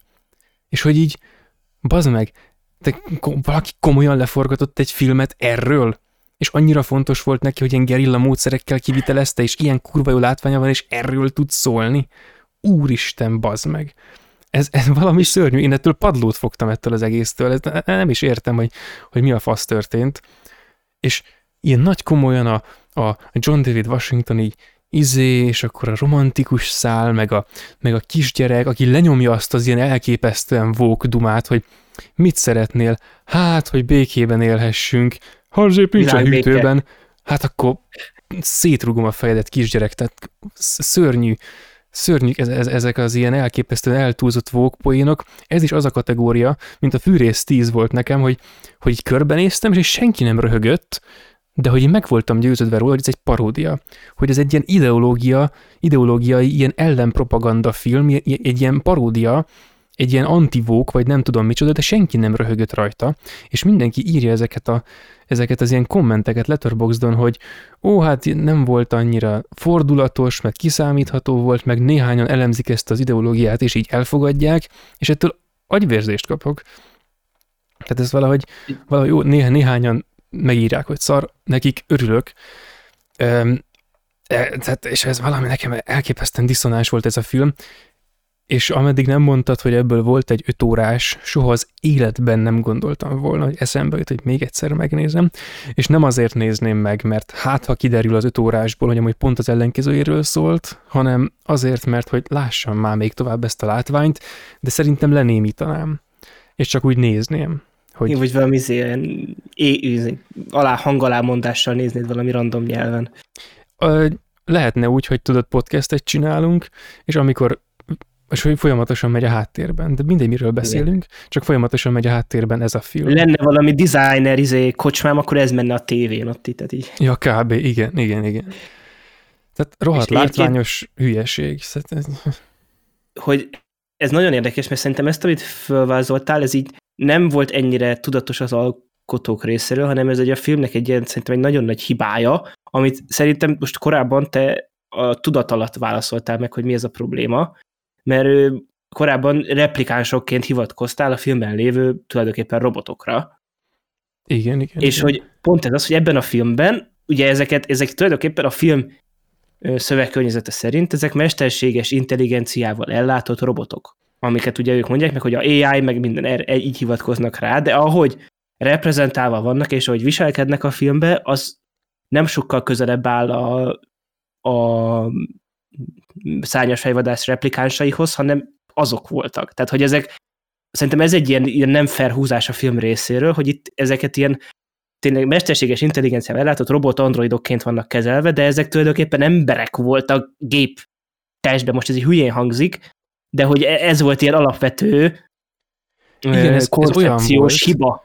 Ez olyan és volt, hogy... mint a, bocs, csak egy, egy hasonlat ehhez, hogy, hogy konszenzuális volt, hogyha a robot öntudatára ébred, a mesterséges intelligencia eléri egy, elér egy bizonyos fokra, vagy tényleg öntudatára ébred, jelentsen ez bármit, akkor onnantól kezdve embernek minősül. És már, és már a morális vita folyt arról, mintha, mintha és a, a, a morális vita ilyen rasszvitává alakult. Mint hogyha egy emberi rassz lenne a gépeknek a, azt tudja, rendszere, társadalom, a halmazat csoportja izéje. Mit Igen, de úgy is voltak bemutatva a gépek, hogy mintha egy emberek lennének, mert tehát a Terminátorban pont az volt a lényeg, ugye, hogy a Schwarzenegger az egyben azért volt gonosz, mert gonosznak volt programozva, a kettőben meg azért nem, mert annak volt programozva. Itt most nyilván Igen. ez nincs ennyire részletesen bemutatva a filmbe, csak abból tudok kiindulni, amit a film bemutat és ábrázol, de abból nekem úgy jött le, hogy ott az a, a Ken Watanabe, meg a haverja, akinek nem emberfeje volt, hanem robotfeje, hogy ők olyan személyiségek, akik nem azért mit tudom, véd, nem azért rohant oda, állt meg hogy megmentse a gyerekeket, mert erre van programozva, hanem mert hogy ő így döntött. Igen. És hogy neki, ez, ilyen, neki olyan a személyisége, hogy ő egy olyan android, aki így szereti a gyerekeket. Igen, pontosan. És hogy ez, ez, ez nem a mesterséges intelligencia, hanem ez, a, ez, az, a, ez az a fajta replikánsozás szerintem sokkal közelebb, ami a, mint a szárnyas fejvadászban voltak, és ami ott volt ugye a konfliktus. De Igen. ugye és ez, ezáltal rúgott a film magának egy ilyen öngolt, hogy egy ilyen koncepcióbeli alapvető hibája volt szerintem. Mert tényleg az a gond, hogy amit te, amit te már elmondasz, hogy tökéletesen stimmel, csak hogy, mert hogyha hogy ugye tényleg az, hogy a gépeket ember szintre emelik. És hogy ugye ez a filmben is így van, csak közben a filmben az ember szintre emelt gépek, azok tulajdonképpen nem gépek voltak, hanem tényleg emberek. Tehát, hogy ez egy ilyen kettősség volt számomra, hogy a film úgy mutatta be a gépeket, hogy ők emberek. És Igen. akkor nyilván akkor, ez Igen. nyilván akkor, tehát én, én sem, mint néző, nem értek azzal egyet, hogy a, a, lehet, hogy mesterségesen előállítottak, de tulajdonképpen tényleg a film világán belül emberek voltak, és akkor én se szimpatizál, fogok szimpatizálni azzal, hogy akkor őket itt zokszó nélkül írtsuk ki, egy, mint később kiderül, egy emberi hiba miatt, de hogy a, Hú, most akkor, akkor ha, bazd meg, agyfaszt kaptam, amikor de, azt de igen, de, elmerték de, mondani. Ez egy, ez, egy, ez egy érthető logika lenne, csak akkor akkor úgy kellett volna bemutatni a gépeket, hogy ők gépek. És nem pedig tényleg, ahogy szerintem tudat alatt nagyon jól megfogalmaztat, hogy ezek replikánsok. Igen, vagy meg ilyen klónok, vagy ez, ilyen... ez, ez az egész, tudod, ez abból fakad, hogy ez a, most láttam egyébként nemrég egy ilyen magyar filmet is, ez a, ez a 6 hét volt, ami most nem mondom miről szólt, de hogy az is egy bizonyos módon, módon túlképzelte magát egy problémán. Tehát mondjuk itt ebben az esetben a Skifinek az évszázados problémájára mondta azt a film, vagy a filmnek a készítője, hogy oké, okay, eddig tartott ez a probléma, most nézzük meg mi van, hogyha nem abba az irányba megyünk ezen az ösvényen, ahol egy évszázadon keresztül minden skifi ment, hanem megyünk a másik irányba, bekövetkezett a katasztrófa, oké, a Terminátorba is bekövetkezett, most hagyjuk ezt, nem akarom annyira boncolgatni ezt a témát, de lényeg, hogy számos más Skiffy más megoldást keres erre. Itt ez átugorja ezt a problémát, be, beutazik időben mögé, megtörtént a katasztrófa, és utána valahogy rendezgeti a, a sorait, de hogy nem csak azt ugrotta át ezzel, hogy oké, okay, a robotok közé valahol következtében, ugye, most már a filmnek a, a, a sajátos logikája miatt így kell fogalmazni, hogy a, valahogy a az, amiatt, hogy a robotok ebben a sztoriban benne voltak, itt egy ilyen katasztrófa következett be, nem csak ezt ugorja át a film, hanem a, az ember-robot különbség fölött e, jelentkező e, elsősorban technológiai, aztán pedig hát egy ilyen megingathatatlan morális problémát átugorja. És konszenzuálissá teszi az ábrázolásmódban, de szó sincs róla, hogy ez nem így lenne, És valószínűleg erre mondott te, hogy ez hiba, én meg azt mondom, hogy ez egy szándékos koncepció, hogy ők nem is foglalkoznak azzal, hogy, hogy, hogy vagy bármennyire is az ábrázolás módban az iránt egy szalmaszálat keresztbe tegyenek, hogy a robotok ne embernek tűnjenek, hanem robotnak. És ilyen tényleg a hasonlat elfedettem, amit korábban akartam mondani, hogy ez pont úgy a robotok emberléte, pont úgy, vagy emberi ö, szintje, vagy színvonala, vagy emberi ö, minősége, az épp úgy nem kérdéses itt, mint ahogy a Barbie-ban nem volt kérdéses az, hogy hát patriarhátus van. Pedig ez nem konszenzuális, tehát hogy a robotok emberminősége kurvára nem, a patriarhátus kicsit kevésbé kurvára nem. De ezek, ezek az ilyen vagy paródia, vagy antipropaganda, vagy egyenes propaganda filmek valahogy, valahogy újabban kezdenek nagyon okosak lenni, és tehát, hogy, hogy azért itt ezzel csinyán kéne bánni, szerintem, mert azért az olyan kilátások, amelyek így a technológiai szingularitás korában, amit most így élünk, a mesterséges intelligenciával itt a küszöbön, sőt már a küszöbön túl egy kicsit, azért lehet, hogy nem kéne ennyire ebbe az irányba terelgetni a, az embereket. Mert a filmből végül is tényleg az jön ki, hogy minden hiba, amit a robotoknak tulajdonítottunk, az valójában a mi hibánk volt, az, hogy mi bevégezzük, az teljesen rendben van, és hogy még valamit akartam. Ja igen, a kisgyerek léte, most ezt nem analizálom, de amire ő való, és amilyen szerepet ő betölt ebben az új világban, mint, mint most mondjam azt, hogy na nem, nem, nem mondom, mert ez spoiler, tehát, hogy amivé ő neki válnia kell, és ennek a szónak az a vége, hogy ség, de most ez, ez az is teljesen rendben van. Egy új vallásos, morális rendszert ö, alapítani egy teljesen tartatatlan alapra, az ez szerint a film szerint teljesen, teljesen rendben van. És ez így következik a koncepciójából. És ez így lemegy az emberek torkán, így csusz, simán. Persze nem biztos, hogy belegondolnak abba, amiben én, és azt így elfogadják, és akkor mozgalom alakul, hogy izé, szabadságot a robotoknak, holott még nincsenek is robotok, de hogy ha ebből vagy a filmből ne Isten tendencia lenne, akkor én kiköltözöm a holdra, vagy nem tudom. Tehát, hogy ez így valahogy nem tetszik nekem ez a világkép, és akkor ehhez az egészhez csak egy, egy ilyen vizuális idézet, audiovizuális idézet a filmből, hogy van az a rész, amikor a romok között bogarásznak valakik ott az eleje felé. És tudod, van egy rész, amikor előkerül igen, egy... Igen, igen. Igen, robot. az ominózus rész, amikor előkerül egy haldokló robot. Akkor olyan Na. volt, mint egy ember. És annak az ábrázolása, hogy ilyen elgyötörten nyög, egy emberi elgyötört nyögés volt, szerintem egy halálhörgés volt átszerkesztve, ilyen, ilyen elektronikus technológiai kínlótássá, és ilyen, ilyen, ilyen érzékenyítő, meg nem tudom, ilyen, ilyen, ilyen, ilyen meghatni vágyó, ilyen romantikus szerű jelenetnek volt számva az, hogy ott egy robot így haldoklik. És tehát én a, én a film végén már teljes mértékben annak szorítottam, hogy ne, ne, ne sikerüljön az elvileg jóknak a terve, hanem a mélyhangú, rossz fej, gonosz bácsi terve valósuljon meg. Tehát, hogy a tábornoknak. A tábornak. A kurva jó hangja volt egyébként a csókának, ezt el kell mondanom, tehát bár, bár nekem lehetne olyan hangom, mint neki, na mindegy, tehát, hogy ezt, ezt tisztelettel én inkább itt a gonoszok. Vagy a, vagy a nőnek, ugye annak a női katonatisznek akinek szintén ugye tök... Vár... Ja, hát igen. Na, az, az, tök, az... Tökre, hogy mondjam, azonosulható és átélhető motivációi voltak. Tehát igen. Igen, teljes mértékben. És, és hogy valamennyire, ak- ak- akik egy kicsit is a, a hétköznapi rációhoz közelestek, ami az évszázados skifi hagyományban mindig a jó oldalt reprezentálta, az most itt a rossz oldalon szerepelt. És hogy ezért én inkább a rosszaknak szurkolnék, ha lehet.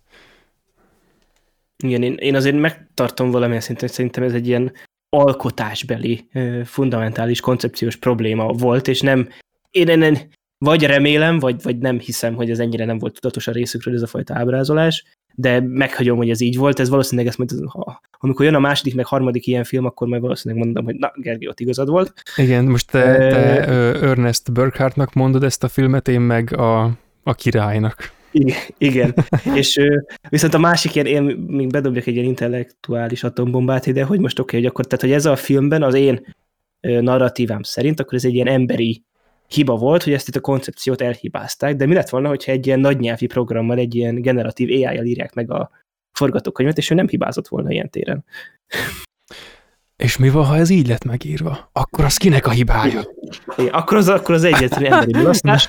És két dolgot egyébként megjegyeznék a filmmel kapcsolatban, amit most így egy, egy tíz percig tartom az ujjamat, ezt a kettőt, ezt most el akarom mondani, és ne felejtsem el. Igen, igen. igen. A, nem, nem, csak annyi, hogy az egyik az az volt, amit így észrevettem a filmben, és így engem zavart, hogy amúgy összegészében amúgy egész jó volt a zene a filmben, viszont, hogy a, ez ilyen sokszor előjövő probléma, itt nekem a szokásosnál jobban szemet szúrt, hogy 2040-ben miért a 70-es és 60-as évek amerikai slágerei szólnak tájföldön a rádióban.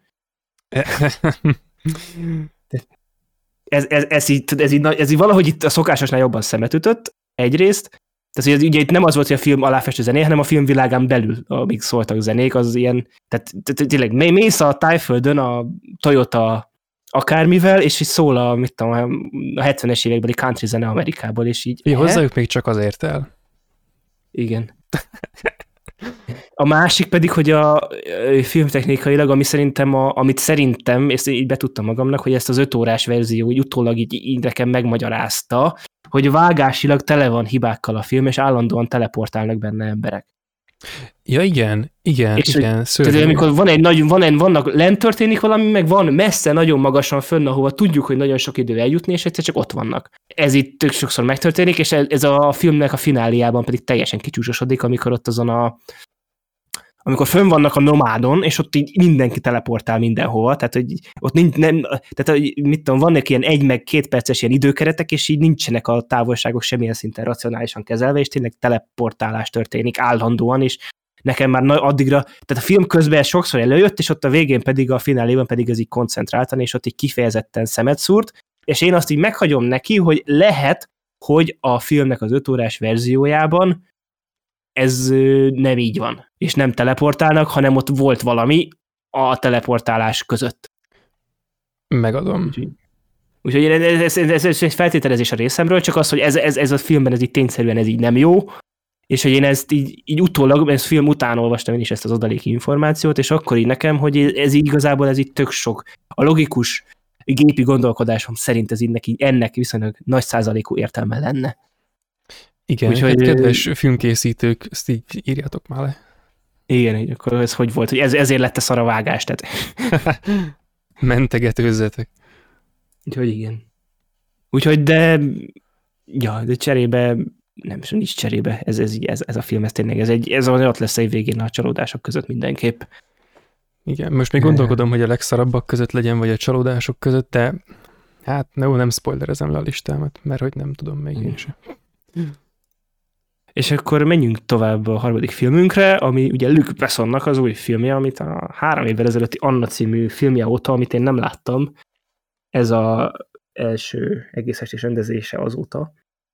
És tehát így eléggé fű alatt érkezett ez a film, és ugye, tehát, ugye most mi is itt fröcsögtünk emiatt, de hogy még mi is úgy értesültünk erről a filmről, hogy ez így lesz, hogy egy ilyen, és ez egy Luc Besson film, hogy ez egy így a moziban az előzetesét levetítették nekünk. Igen, és hogy szerint, szerintem bolykottálták ilyen... ezt a filmet különben Bessonnak az ügyei miatt, vagy hát az őt ért vádak miatt, meg utóbb a felmentése miatt, meg a visszatérése miatt. Szerintem ezt így nem tudom, bolykottálták, vagy nem tudom. De én lemaradtam, hogy őt mit, mivel vádolták, de igazából most szerintem... Hát azzal, amivel mindenki. Igen, meg valószínűleg a film, a filmmel kapcsolatban valószínűleg nincs is relevanciája, viszont Luc Bessonról kicsit akartam értekezni olyan szempontból, hogy azért, tehát, hogy, tehát ő is egy olyan film készítő számomra, hogy most a, az, hogy milyen filmeket csinál, meg főleg az utóbbi időben milyen filmeket csinál, azért arról mondanám, hogy lehet vitatkozni, de azért tehát nem egy olyan egy, egy oldalú vita lenne, de hogy összegészében azért ettől függetlenül számomra még mindig egy olyan név például ő, hogy pont, ami, a, pont az a változatos filmográfia miatt, amit ugye az X év alatt letett az asztalra, hogy így azért most tényleg most jön egy ilyen film, de még bármi lehetett volna ez a film, és oda hogy akkor Luke Besson csinál egy ilyen érdekesnek ígérkező filmet, és akkor na, hát azt így megnézem. Igen, és hát akkor ő, még a... Igen? Ő a, ő a mennyiségek és a minőségek spektrumát is teljes mértékben bejárta az évek alatt. Tehát ő az, akitől abszolút bármit el, el tudsz képzelni, és hogy, hogyha valamit vártál Luc Bessontól, és megkapod a dogment, akkor beszarsz, és ezen túl már tényleg bármit várhatsz tőle, hogy ne lepődj meg.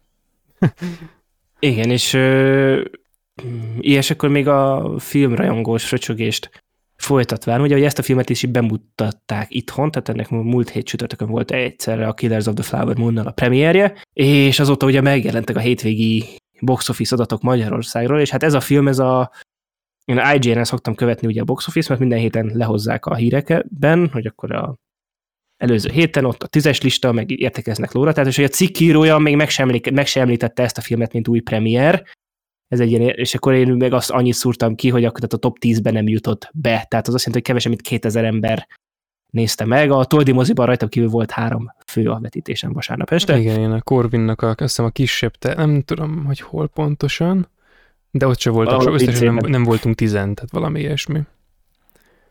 Ezt tudod Igen, még egyébként, amit a, amit a Jack Conrad mond, hogy izé a Broadway-en megnéz 2000 ember, és akkor az a, az évezred sikere, hát az itt egy bukás. Hát, hogy igen. Kb. Körülbelül igen. Megtörtént. Igen, tehát,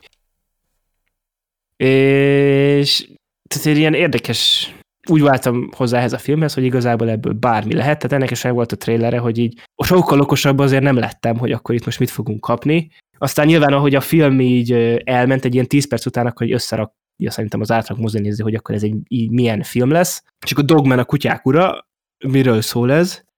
Arról, hogy van egy ember, aki uralja a kutyákat, Aha. de hogy egy... hmm. Egyébként nem csak a mentél, a, a Letterboxd leírás, figyelj, a boy Braced by life, finds his salvation through the love of his dogs. Ennyi. Igen. Hát Babylon igen, trailer. Is, ezt is meg, lehet, meg lehet, így is meg lehet fogalmazni, de ugye és akkor tehát ezzel a, hogy a, azokat az embereket, akiknek mondjuk lenne affinitás egy ilyen filmet megnézni, de mm, ilyen olyanok miatt nem tették ezt még meg, vagy Luke taszítja őket, vagy csak szimplán nem tudtak ennek a létezéséről, így elmondanám, hogy milyen film ez, mert az a promóciós anyagból nem derül ki. De ugye ez a film ugye azzal nyit, hogy jön egy, egy nőnek öltözött férfit, elfognak a rendőrök, és neki ott a furgonja tele van kutyákkal, és beviszik a rendőrösre. És ugye tele van sérülésekkel, és aztán ugye beviszik a rendőrösre, és ugye hát egy ilyen elég fura alak, és ezért ugye egy ilyen pszichológust hívnak hozzá, idézősen vallatni, hogy kiszedjen belőle minél több információt, mert úgy dönt a rendőrség, ugye, hogy ugye nem egy, ez nem derül ki konkrétan a filmből, de össze lehet rakni, tehát úgy döntöttek, hogy ő nem egy olyan ember, akit a nyomozóknak kéne kifaggatni, hanem inkább jobban járnak, ha egy pszichológust hívnak hozzá. Igen. És akkor itt igazából az történik a film nagy részében, hogy a, a film nyitó jelenetéhez elvezető pontig itt a a faggató szobában ez a karakter elmeséli tulajdonképpen az addig történt életét, és így ezt láthatjuk a filmben. Amiben ugye az volt, hogy tényleg ilyen a sors, a sors megnyomorította őt tulajdonképpen, és egy nagyon nehéz kezdete volt az életének, és onnan hogyan most ezt így, így aki majd utólag megnézi a filmet, az majd így sokat fog kuncogni ezen, de hogy igen. hogyan épített föl magának egy saját egzisztenciát. Igen, és igen. Egy, egy személyiséget az évek alatt. Az egzisztencia ősrobbanása. Igen. Meg hogyan, tehát és az, hogy hogyan lett belőle sok szempontból egy művész, és így annyit így, nem spoiler, de hogy, tehát, hogy az a lényeg, hogy, tehát, hogy azt el kell fogadni a filmmel kapcsolatban, de hogy igen, tehát hogy ő úgy tud kommunikálni a kutyákkal, ahogy a valóságban ez nem lehetséges. De hogy így, a filmben is ez ilyen nagyon szerintem elegánsan van kezelve, hogy tényleg elmondja, hogy, tehát, hogy ő se tudja igazából miért, de hogy a kutyák, amit ő mond nekik, azt tök értik, és így pont, és ez így, így a, ez ugye a filmvilágában is egy olyan lenne, mint a való életben, de hogy ott a filmvilágán belül ez így megtörténik. Igen. És igen, akkor... Igen. Ö, nekem van egy tételmondatom ehhez a filmhez, és írtam róla egy kisebb ilyen értekezést, és ezt tehát van egy darab mondatom vele, tudom írni az egészet, majd a hosszabbat ezt nem tudom, berakom linkjel valahova, leírásba, de annyit írtam, ezt, ezt akartam azt mondani valamikor, mert erre nagyon büszke vagyok, kutya koreográfiával spékelt halálbaszás tranyó karnevál. Ez. Hát, a, igen. Azt hiszem. És ö, neked amúgy ez tetszett?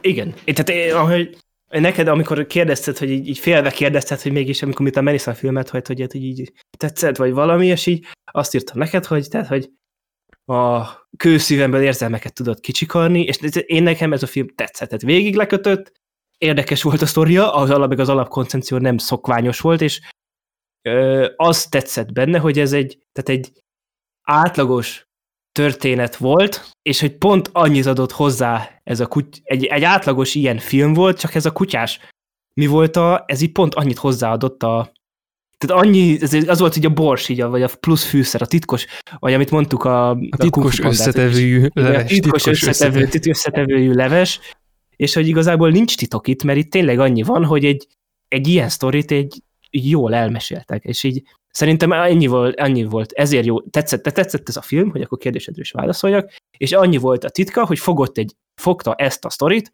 és ezt jól elmesélte.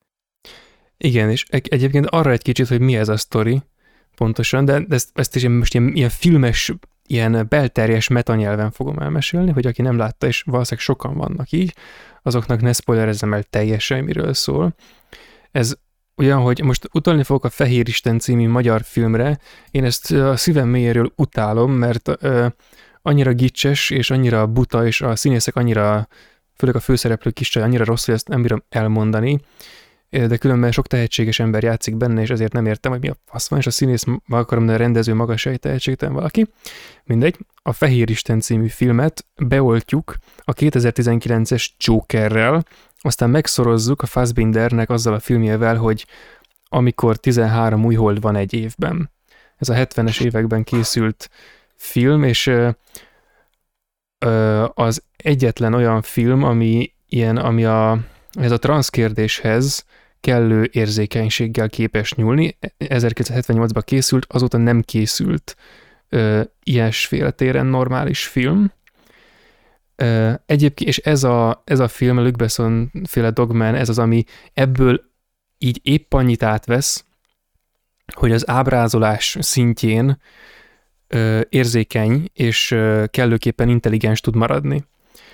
A történetmesélés szintjén szerintem már azért megfejtő, meg, megfertőzi az a fajta dogmatika, ami miatt rohadtul megrugdostam az előbb az alkotót, de amit propagál, azért az mégse teljesen kártékony, ezért aztán nem rugdosom szarrá, csak kimondanám, hogy nem kifejezetten szeretem, amikor valami ennyire didaktikusan közli, hogy fú, valakivel most ennyire kibaszott az élet, és ő belőle egy ilyen ember lesz, és akkor az a társadalmi kép, ami a mindennapjainkban különben így meg úgy csapódik le és néz ki, az egyébként egy ilyesfajta tragikus egzisztencia, és ezért aztán legyünk rá tekintettel, mert ezt amúgy tudjuk, de a kivitelezéshez visszamegy azért a, a, a szó a nap végén, hogy azért mégiscsak jó ez. Tehát, hogy, Meg én azzal védeném, hogy ez általában akkor szokott pejoratívan megjelenni számomra, amikor ugye ezt általában ugye ez a This is a True Story, vagy Based on True Events alapján van, de ugye ez a film ez nem is lehetne ennél nagyobb fikció, és így szerintem emiatt így valamilyen szinten ezen a részen tehermentesíti. Egyrészt, másrésztől pedig ugye ez a, az a nem is transz, hanem, vagy nem tudom, hogy ez, hogyan mondják ezeket, amikor ugye csak szimplán egy vagy egy férfi beöltözik nőnek jókedvében, de hogy ez az tök jó, és ezt, szeretem ezt a fajta ábrázolását ennek a közegnek, hogy itt nem csak ő rajta, hanem az egész közegen, meg minden máson, a tolószékes, meg minden más közegen belül, hogy így, hogy akkor elsősorban ugye itt egy emberről van szó, és ami ott van az is, hogy ő tolószékes, meg, meg szeret nőnek öltözve egy, egy ilyen kocsmában énekelni, de hogy az a, nem az a karakternek az alapja, hanem elsősorban ő egy attól függetlenül egy ember, aki szereti Shakespeare-t mondjuk ebbe az esetben hogy nem az a karakternek a kiindulási pontja, hanem az egy körítés hozzá. És ez szerintem ez egy tökre egy pozitív üzenet minden ilyen filmnél, amit én tökre tudok értékelni, hogy azt sugalja, hogy a való életben is mondjuk a ilyen hasonló emberek, ugye elsősorban ők is egy, egy személyiség, ak, meg ugye ezt az összes ilyen meleg vitára, meg mindenhol szerintem ezt itt tökre szeretem, amikor így van ábrázolva, hogy próbálják úgy ábrázolni, hogy ők elsősorban ugyanúgy egy elsősorban egy önálló személyiségek, és nem az a identitásuk alapja, ami miatt ugye az, egyáltalán ez a téma felmerül. Igen, igen, igen, igen. Szerintem is. És uh, különben az, az a nagyon érdekes ebben, hogy ugye mondtad, hogy szereti Shakespeare-t, meg sokat olvasott, meg klasszikus zene, meg, meg ilyesmi. Tehát ő, ő egy ilyen látens pszichopata, és egy látens transz, és rokkant, és egy tragikus uh, háttértörténettel rendelkezik. Tehát azt hiszem ebből a négy darab összetevőből áll ez a karakter, és nagyon érdekes, most pont nemrég néztem újra a Bárányok hallgatnak ott, ahol a, ugye az Anthony Hopkins, aki ez az archetipikus, minden egyes szélsőséges pszichopata jellemvonást magában egyesítő figura, ő elemzi a hú, akit el kell kapni, ott most pont nem ugrik be, pedig pár napja láttam, szóval most ez kicsit kínos. A Jack Gordonnak hívják, azt hiszem a csókát, most spoilereztem, de hát van ez így.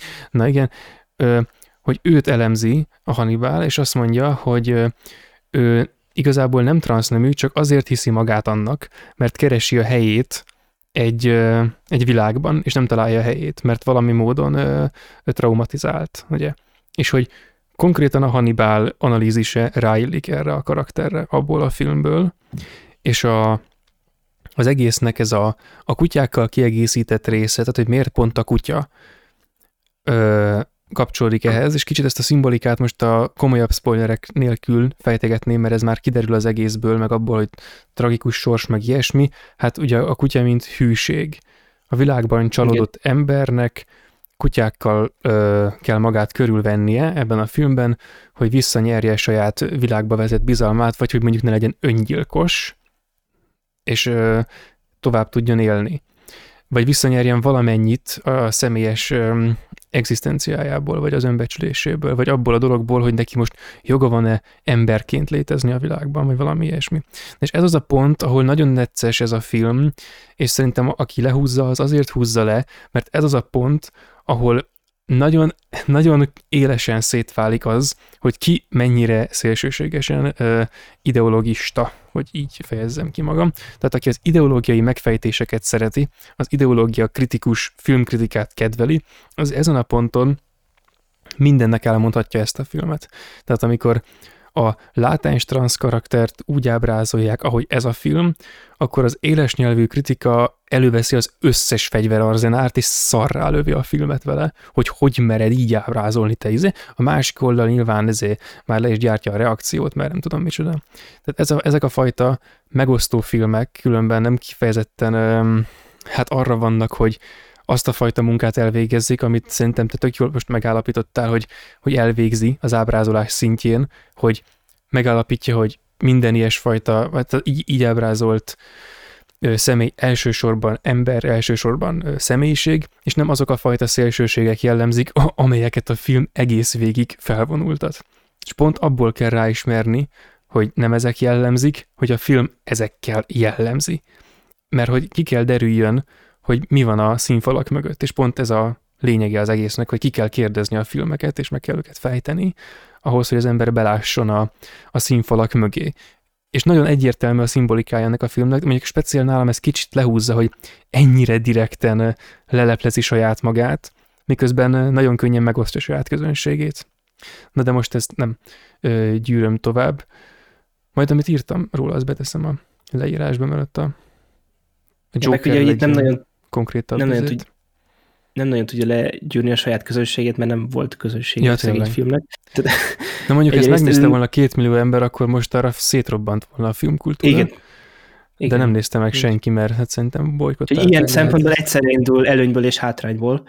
Igen. Ö, viszont még egy dolog, ami a filmek kapcsolatban, amit kiemelnék mindenképpen, hogy vol, vannak ilyen filmekben, tehát hogy, vagy a ilyen témájú filmekben, stb., amikor van az a jelenet, amikor ugye a mindenki által megvetett, lenézett karakter így rittyent valami olyat, amire mindenki így tátott szájjal néz.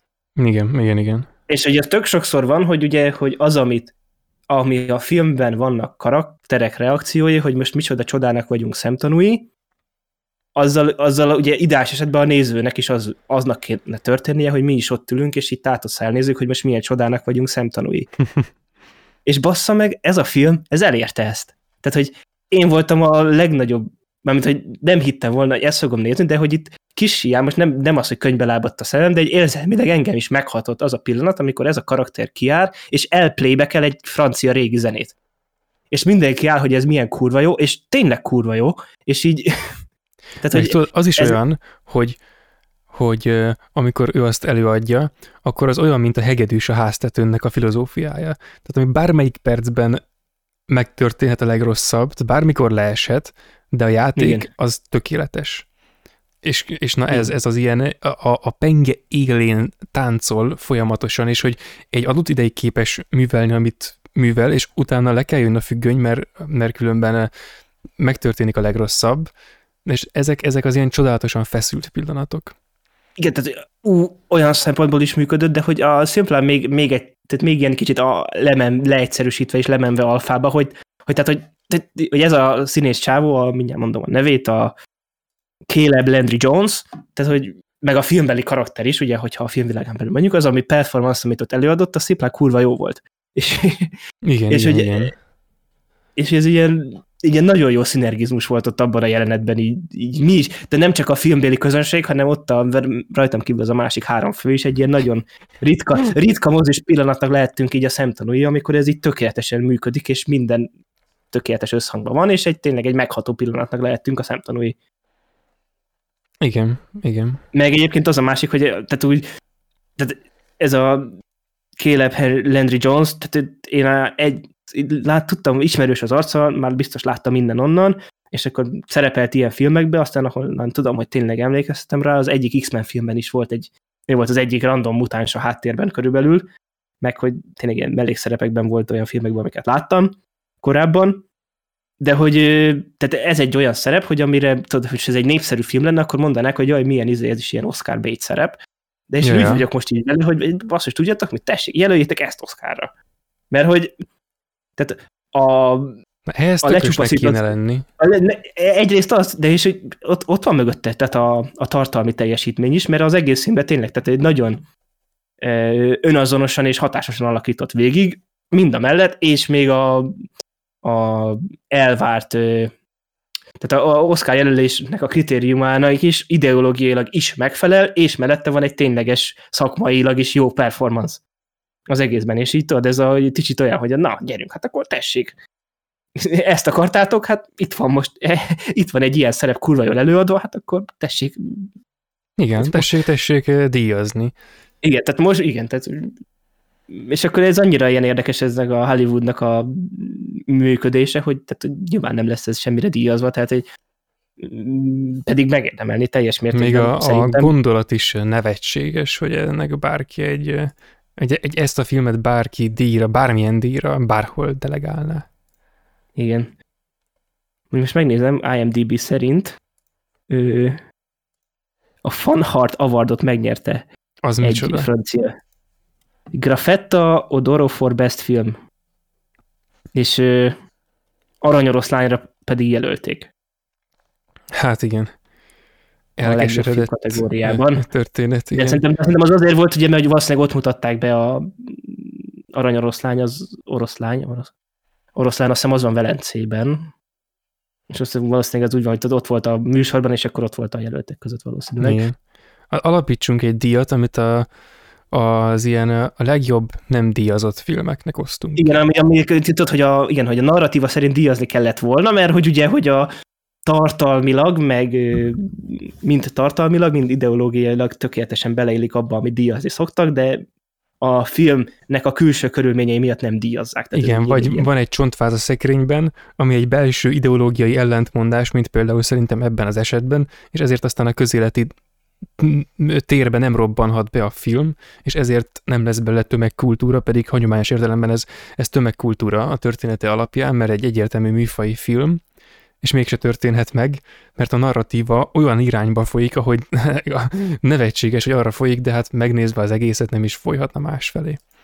És akkor valami, és, tudom, arany, arany, fasz tudja mi, arany, izé. Aranykutya. Aranykutya. Egyébként még egy fontos dolog a filmek kapcsolatban, hogy tényleg, hogy, hogy marha jók voltak a kutyák, tehát most ezt így... A kutya koreográfia. Tri- de az. hogy ez tri- triviálisnak hangozik, de, de nem az, és hogy tényleg, tehát hogy a...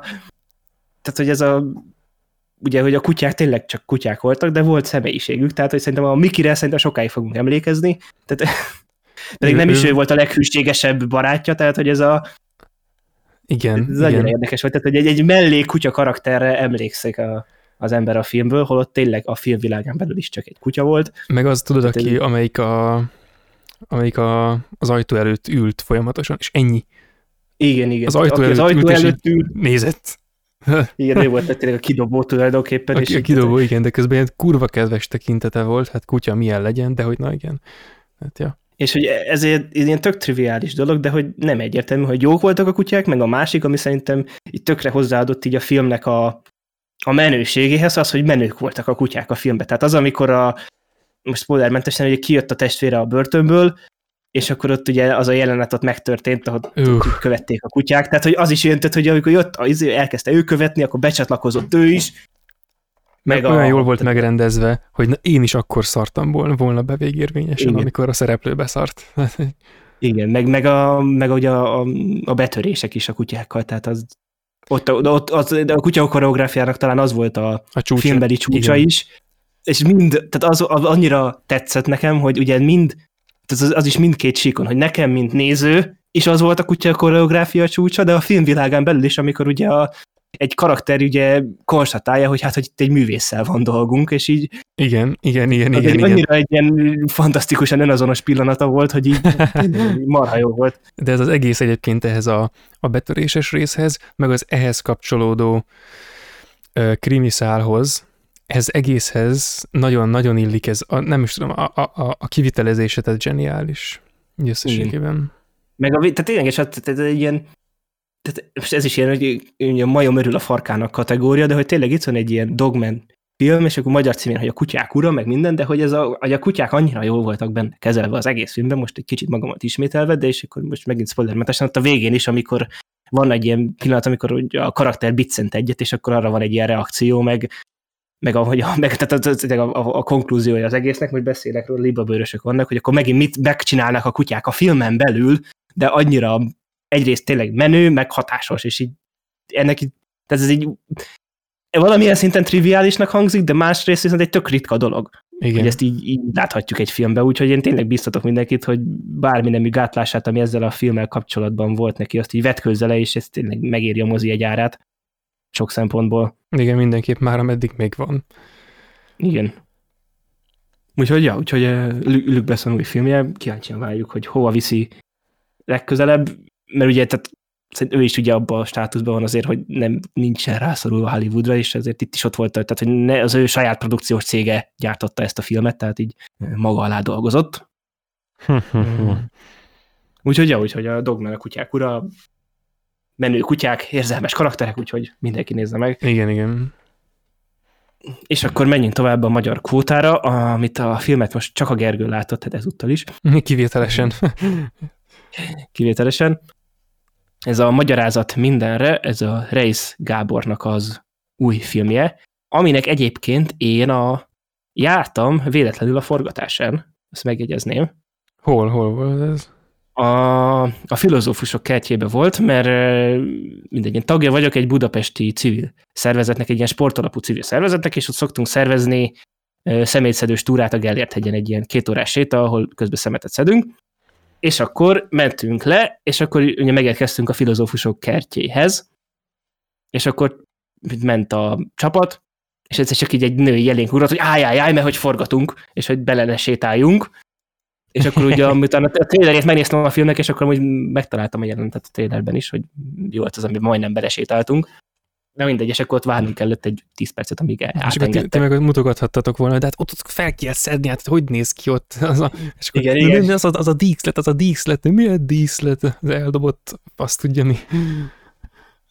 Na igen, úgyhogy, úgyhogy így a forgatással jártam. Meg én a, annyi, hogy a Reis Gábornak én a első filmjét, ha van valami furcsa és megmagyarázhatatlan, én egyébként láttam. Annó. Ja, igen, ezt akartam. Egyébként nem, nem beszélsz egy kicsit arról, így nem tudom, így, hogy legyen Az a baj, hogy beszélnék szívesen, én, én ezt akkor láttam, és amúgy akkor amúgy tetszett. Uh, igen, tehát egy érdekes film volt, egy kicsit így, uh, azt is amúgy olvastam róla, hogy azt is ilyen nagyon gerilla módszerekkel forgatták, és hogy így, így az volt, hogy érdekes volt, hogy akkor azért én 16-17 éves voltam körülbelül, és így az a, a film által felvetett társadalmi gondok és problémák még nagyon-nagyon nem az én mindennapom életét képezték, és ahogy így haladt előre az életem, így úgy volt ilyen sok olyan dolog benne, hogy így á, á, á. Úgyhogy e, e, e, ilyen szempontból egy érdekes élmény volt, és így mindenképpen megérne egy újranézést. És hogy annyi, hogy azért nem rohantam erre a filmre, mert ö, úgy voltam vele, ezt most, így, most én mindig a prekoncepciók ellen beszélek, de nekem az volt itt a prekoncepcióm, hogy így valami nagyjából, biztos, meg amit valamilyen szinten érdekelt is, csak aztán amikor mindig, amikor megnéztem volna, találtam egy olyan időpontot, és akkor jó, hogy ez is két és fél óra, és akkor az így nem a hosszom miatt, hanem hogy szimplán nem, papa, igen, igen, szimplán nem, nem, annyi volt a gond, hogy nem fért volna bele az időrendembe, tehát hogy így amikor lett volna alkalmam megnézni. Ö, és akkor meg, meg a másik, hogy a prekoncepció, hogy én azt itt tudatosítottam magamba, hogy itt valamilyen szinten valószínűleg, meg amit így olvastam egy-két kritikát róla, hogy így valószínűleg ugyanaz a ugyanazt a társadalmi vetületet képviseli majd, mint az az előző film. Azt nem tudom, hogy ezt így mennyire, hogy ezt a minden pejoratív mellett, ugye ez az átlag Budapest belváros élet, stílus, vitel, meg kultúra. Igen, igen, és, igen. És, hát ez, és hogyha... ez, nem, hogy ez az, hogy ez valamilyen szinten nekem is az életem része, de közben meg van egy ilyen ö, tehát ugye itt, itt, itt, én is ilyen Budapesten élő személyként, én azzal vagyok hipster, hogyha én azt mondom, hogy én ennek nem vagyok a része. És akkor emiatt ugye ilyen nem is vagyok a célközönsége a filmnek, én ezt most így minden előjáróba így vagyok most erről, hogy ez így nem így van-e szerinted, vagy de, vagy hogy erről ennek az igen, igen, hát egyébként, hogyha... Átadom a szót ehhoz. Köszönöm. Hát egyébként, hogyha ha ebben egy, én, én direkt mindig ezt az ilyen periféria létemet használom ki, hogyha ezekről a körökről van, ezeket a köröket futjuk a diskurzusban, hogy én a, így külvárosiként, tudod, se a Pest belváros, se a vidék, se semmit, tehát hogy én igyekszem mindenen kívül lenni lehetőleg. Viszont egyébként némiképp téves a, a prekoncepciód, viszont legalábbis helyes. nekem ez volt a prekoncepcióm a prekoncepciódról, de amikor odáig általánosítottad, hogy ez az ilyen átlag Budapest élet kategória, na igen, ez, ez a szint, ez, ez, ez a szint megvan, de ugye a, Akkor... a, a van valami furcsa és megmagyarázhatatlan, illetve a rossz versek, a másik film, ez, ez a kettő szerintem eléggé rokonítható egymással, ez egy egészen másik irányba megy a film, de az alap, amire építkezik, ez valóban ez az általános megfogalmazás, hogy az budapestiek, magyarok, hát igen, budapestieknek az ilyen a különféle gondjai, bajai az életével, viszont ez már kevésbé egy coming of age film, mint az a kettő, és mint egyébként a a Reis Gábornak a rövid filmjeim. Volt egyébként egy vetítés a Cirkó moziban, ahol leadták az ő két rövid filmjét, azt hiszem kettőt adtak le, most nem emlékszem pontosan, de, de szerintem kettőt adtak le, és azok is különben ugyanezt a témakört erősítették. A múlt elszámoltatja a jelenbéli embert, vagy a jelenbéli ember egy jövőkép felé törekszik, és akkor azt vagy eléri, vagy nem, de lényeg, hogy egy élethelyzethez meg kell érnie, és ez a megérési folyamat, ez nem, nem, nem, nem, nem megy mindenféle zavaros nehézség nélkül. Na de ugye a magyarázat mindenre az ettől gyökeresen különbözik. Még, uh, még egy, mielőtt belemész, meg még egyet most így, hogy még egy a magam védelmére, meg hogy miért nem néztem még meg, ahhoz még egy dolog amit hozzáfűznék, ugye az, hogy a van valami, a rossz versek is, meg most már ez is azért viszonylag, főleg a magyar mércéhez képest egy sikeres film, és itt nemzetközi díjak, meg közönségileg is azért kellő ember megnézte a moziban ezt, és hogy így nekem az a, mondjuk, hogy most döntenem kellett volna, hogy ezt vagy a dogment nézem meg, akkor így a belső támogató én nem, akkor elővett a dog, dogma jegyet olyan szempontból, hogy az a film az nagyobb, jobban igényli azt, hogy én már pedig azra mindenki kicsengesse a mozi egy árát, mint erre, ami amúgy valami szerintem megtalálta a közönségét, és ugye minden díjra, amire igazából egy ilyen filmet lehet, azt meg kap, jelölték, vagy meg is kapta, még mondjuk ugye most azt hogy film után derül ki, de mondjuk egy Dogmannél, amit említettünk, hogy azt biztos nem fogják semmire jelölni. Igen, igen, igen. Hát egyébként erre azt tudom mondani, hogy a, hogy a ezzel a Dogman nézéssel a Dogmannek kedveztél, a magyarázat mindenre nézésével meg magadnak kedvezel majd, hogyha erre sort kerítesz. Tehát, hogy ez, vagy hát a akár a, mit tudom én, Reisnek a többi, többi filmjével. Mert egyébként most, most belegondolva nem akarok nagy dolgokat mondani, mert a, hát nem különösebben vagyok kiművelve a kortárs magyar filmkultúrából, még úgyse, hogy egyébként sokkal több filmet megnézek, mint amennyit úgy alapból tennék, kötelességtudatból, és most ugrik be egyébként, hogy még erre a borzalmas cicaverzumra is el akartam menni, mert véletlen vettem rá egy jegyet, de amikor odaértem a moziban a kasszához, akkor egyszer csak kiderült, hát nem magamtól, hanem a kasszás illetőnek a közbenjárásával, hogy kurvára benéztem a mozit, és máshova kellett volna menni, és így átéltem életemben először azt, hogy volt egy jegyem egy filmre, és nem mentem el rá, mert nem értem oda, csak egy fél órával később értem volna oda, és így nem mentem el. Szörnyű. Na igen, tehát, hogy annak tudatában, hogy nem láttam ö, valószínűleg elég magyar filmet a kortárs érából ahhoz, hogy ilyen kijelentéseket tegyek, ezért aztán nem mondok olyat, hogy Reis Gábor lenne a legjobb kortárs magyar filmrendező, mert ez az elég erős kijelentés, anélkül, hogy nem tudom, hogy mekkorát túlzok, viszont ez az ilyen magyar lelkület, Budapest hangulat, Budapest éjszaka hangulat, meg ilyesmi, ennek az ábrázolása, ez neki valahogy annyira jól megy, hogy ebben rajta lehetetlen túltenni, mert ami, ami, amit az ember átél, mondjuk budapesti lakosként, egy budapesti nap során, az egy az egyben ugyanúgy jelenik meg az ő filmjeiben, és ez ennél nem lehet ezt, ezt nem lehet jobban előadni, ami itt történik, és ugye ez, ez mindhárom említett, az adásban említett filmjében, meg a rövidekben is különben így megtörténik. Na de most már tényleg rátérve erre a filmre, tehát gyorsan miről szól, mindenki tudja, miről szól ez a film, de mégis még egyszer a francia meg el kell ezt mondani, hogy legalább mi nem maradjunk ebből ki, hogy van az Ábel nevű srác, töri érettségi, megbukik, kokárda, ö, hírverés, és akkor ez az ilyen ideológiai faszverde, hogy mégis miért volt ez a, miért volt ez, a, ez az egész témakör, miért, miért, miért történt ez az egész így, és akkor ki hazudik, ki nem hazudik. Ebben majd kicsit belecsúszok valamennyire, igyekszem nem nagyon elszpoilerezni a dolgot, de úgyis mindenki tudja, hogy miről szól ez a film, mert mindenki tudja, miről szól ez a kurva film, szerintem mindenki látta tényleg. Bocsánat, rajtad kívül, most ezt így igyekszek erre tekintettel lenni. A filmről általában tehát én azt gondolom, hogy a van egy bizonyos karakter, akit a, a filmnek úgy egy ilyen meglepően későbbi pontján hoznak be, hogyha arányosan csökkentjük mondjuk a Killers of the Flower Moon-nak a hosszát annyira, hogy erre a, a magyarázat mindenrének a két és fél órájára álljon rá, akkor egy karaktert azon a ponton, ahol behozzák ők a, a nyomozókat, ott a, a scorsese ott ez a film szintén behoz egy karaktert, na azon addig a pontig egy nagyon érdekes ö, szerkezete van a filmnek, ami egy darabig ilyen furcsán széttartónak tűnik, aztán mégis koherensé válik, amikor az ember ráeszmél, hogy mégis milyen játékot űz vele a rendező.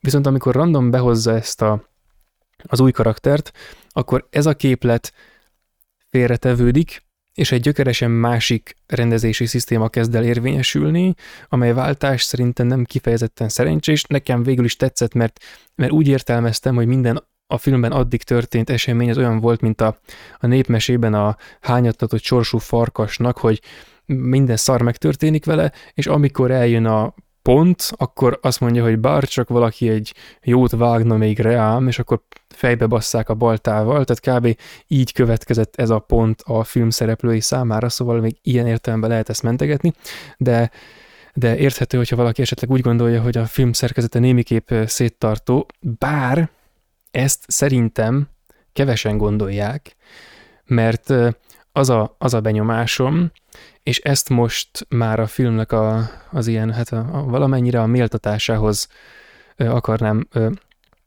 ö, csatornázni, hogy ez a film azok közé tartozik, azon limitált filmek ö, halmazában van, ö, amelyek nagyon ügyesen csatornázzák be saját közönségüket, különféle narratívák ö, mentén, és ö, irányítják bizonyos célok felé az embereket.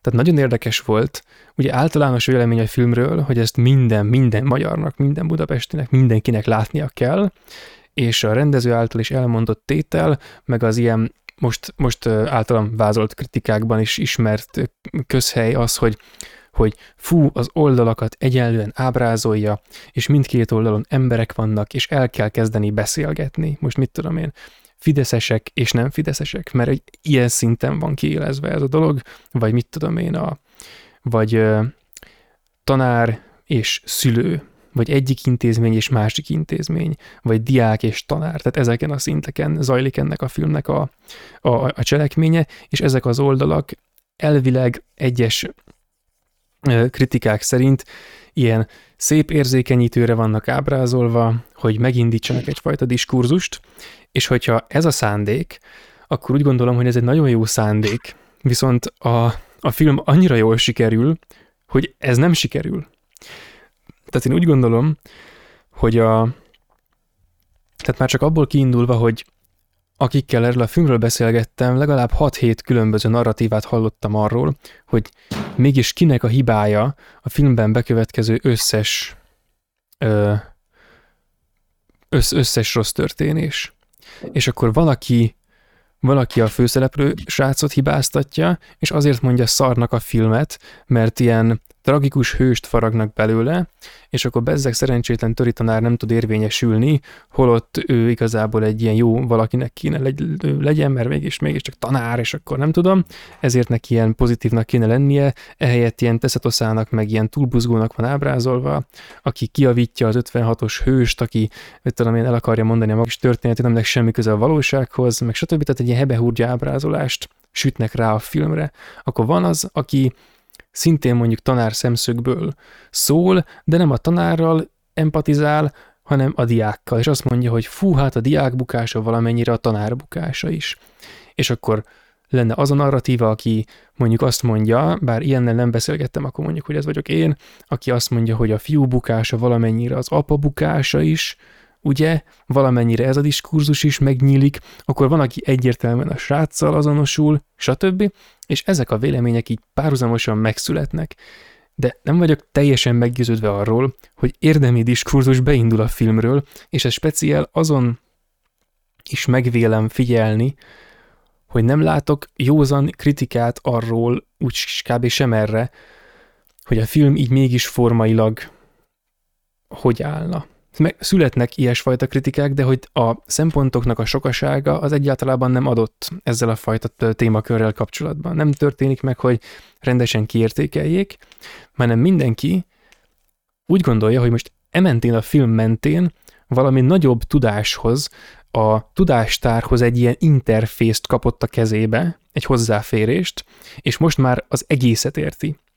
Miközben valójában csak hatékonyabban vesz magára egyfajta narratívát. Tehát azt is mondhatnánk, hogy azok a narratívák, amelyeket a, a film olyan nagyon érzékien és nagyon pontosan ábrázol, azok, azokon keresztül a nézők valójában nem megindítják a diskurzust, hanem, hanem egy fordítás történik. Az ideológia nyelve lefordul egy, hát most már kulturálisnak is csak tűnő másik nyelvre. Mert az alapprobléma ugye az az volna, hogy nem létezik diskurzus. Van egy nagyon ikonikus, jellegzetes rész a, a filmben, aki ö, látta, az nyilván most tudni fogja, melyikről beszélek, amikor apa és tanár ö, párharca következik be, és akkor az az a beszélgetés, aminek az égvilágon semmi értelme nincs, azt elemezni nincs értelme, hanem arra, hogy rá kell nézni fentről, és rá kell ismerni, mi történik, ott a nagy büdös semmi zajlik, az a beszélgetés annak a tünete, hogy valójában igazi politikát senki nem művel ma Magyarországon, hanem történelmi sértettségek, történelmi szorongások, történelmi jelentőségű, történelmi távlatban létező nagy, nagy traumáknak a, a feldolgozása nem történik meg, és így például az a dolog, hogy műveltség ma azt jelenti, hogy traumatudat, meg a, a fontos események és a, az ilyen traumatikus nagy magyar dolgoknak az, a, a képviselete képzi az egyik oldalt,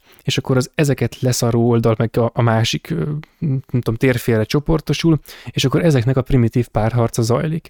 És ez nagyon érdekesen és nagyon érzékletesen megjelenik a filmben, viszont semennyire sem oldódik fel. Tehát, hogy nincsen szinte már dokumentumértékű az, ahogyan ez a film ezt ábrázolja, és pont ezért volt bennem egy kis ilyen szorongás, amikor megnéztem ezt a filmet annak tudatában, hogy ez díjat nyert Velencében, és azóta most már még egyet is, és nagy hírverés van körülötte, és sok ember megnézte, hogy hú baszki, ezt így leadták külföldön, és kurva sok ember megnézte, mint hogyha, mint hogyha, mint hogyha nem tudom, színpadon kellett volna szeretkezni, hogy az emberre ilyen rohadt hirtelen rájítnak egy ilyen intim szituációban, mert annyira elkapja ez a film, hogy pontosan hogy is zajlik a, az ideológiainak is nevezett kommunikáció, vagy ideológiainak is csúfolt kommunikáció ma Magyarországon. És hát még egyszer visszatérnék a veszőparipámhoz, hogy tehát ez a film nagyon szemléletesen megragadja azt, hogy hogyan nem tud megtörténni egy kommunikáció, de szerintem amiatt, hogy ilyen jól készül el, és ilyen jól ragadja meg, nem is tud ezen túllendülni ő maga sem, de ezt talán egyébként pontosan tudja.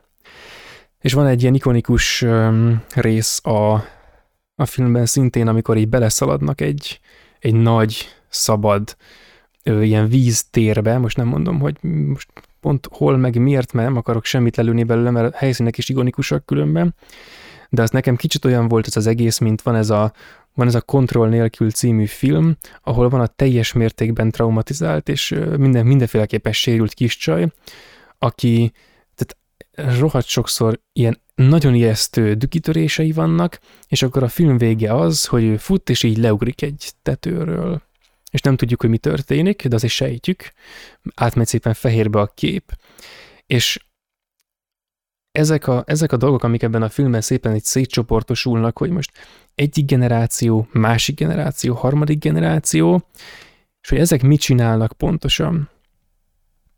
Ezek szerintem túl szemléletesek ahhoz, hogy bármilyen érdemi diskurzus megindítására alkalmasak legyenek. Na és akkor még egyszer egy utolsóra visszatérve a filmnek a történetére, hogy itt arról van szó összességében, hogy van a srác, az Ábel, ő ennek a kortárs Z-generációnak a képviseletében van jelen. Aztán van a tanára, aki a progresszív izé, fiatal felnőttek, vagy hát már az ilyen, nem tudom, idősödő, éppen életközépi válságot átélő fiatal felnőttek generációjának képviseletében van jelen. És van az apuka, aki a, aki a, az egyel idősebb generáció, tehát az a generáció, akit mondjuk a szélsőségesen progresszív oldal nagyon gyakran hibáztat, pusztán csak azért, mert öregek és tűnjenek már el, hogy a fiatalok ki legyen a világ. És ez a három generáció egymásra hat. A srác megbukik, és abból robban ki a filmnek a, a fő attrakciója, ami körül van a, az egész nagy diskurzus, ami kiköltözött a valóságba a filmből, zseniálisan egyébként, és nagyon-nagyon beszédesen, és a nézőközönségről és az egész mindenkiről nagyon beszédes módon kiköltözött, szinte érintetlenül örökítődött át a valóságba a filmből, az az, hogy a srác ugye magán felejti a kokárdát, amikor elmegy vizsgázni, és a tanár az rákérdez, hogy na az ott micsoda amúgy, és akkor a srác semmit nem tud erre mondani, hát ennek sok oka van, ezeket nem spoilerezem le, mert nagyon nagyon kurva fontos, hogy mik azok az okok, de lényeg, hogy megbukik végül, és mikor hazamegy, akkor az erős kezű arról számol be, hogy hát ez a tanár, aki őt egyébként se igazán kedveli, az neki állt őt baszogatni vizsga közben azzal, hogy mégis mi a fasz ez a kokárda, és hogy konkrétan emiatt buktatta meg. És akkor a saját értelmezésem következik most, eh, anélkül, hogy bármit tényleg többet mondanék a film sztoriáról, így eddig is igyekeztem minimalizálni az az, hogy ez nyilvánvalóan egyértelmű hazugság a srác részéről, de egy olyan hazugság, amit nem tud nem elkövetni, és azért a hazugságért nem ő felelős. És ez pont ugyanaz a szituáció, mint amit beszéltünk a Killers of the Flower Moon kapcsán is, hogy ártatlan, de nem ártalmatlan. Nem tehetett máshogy, de amit tett, az ártalmas volt. És hogy a szituációt nem a hibás keresés oldja meg.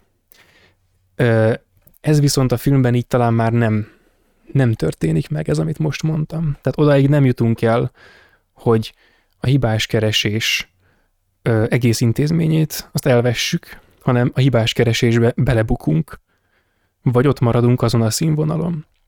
És hogy ahhoz, hogy rájöjjünk arra, hogy mégis a film által ábrázolt probléma, amely egy valóságos probléma olyannyira, hogy az szinte egy tükörkép, nem is görbe, hanem egyenes tükörképe a mai magyar valóságnak, hogy ezeket a problémákat hogyan oldjuk meg, ahhoz ezt a filmet meg kéne fejteni, de hát, de hát mindenki, mindenki kíméletlenül és egyből és a neki való szereppel a filmből azonosul, szerintem. A, azok alapján, amiket olvastam, és amik, akikkel beszélgettem, a, a szempontok zseniálisan átmennek a, a, a valóságos emberekre, és a film témái zseniálisan átmennek a, a valóságos témák szinterére, és aki tényleg rendesen tudna elemezni ezt a filmet, na az látna rá az egészre.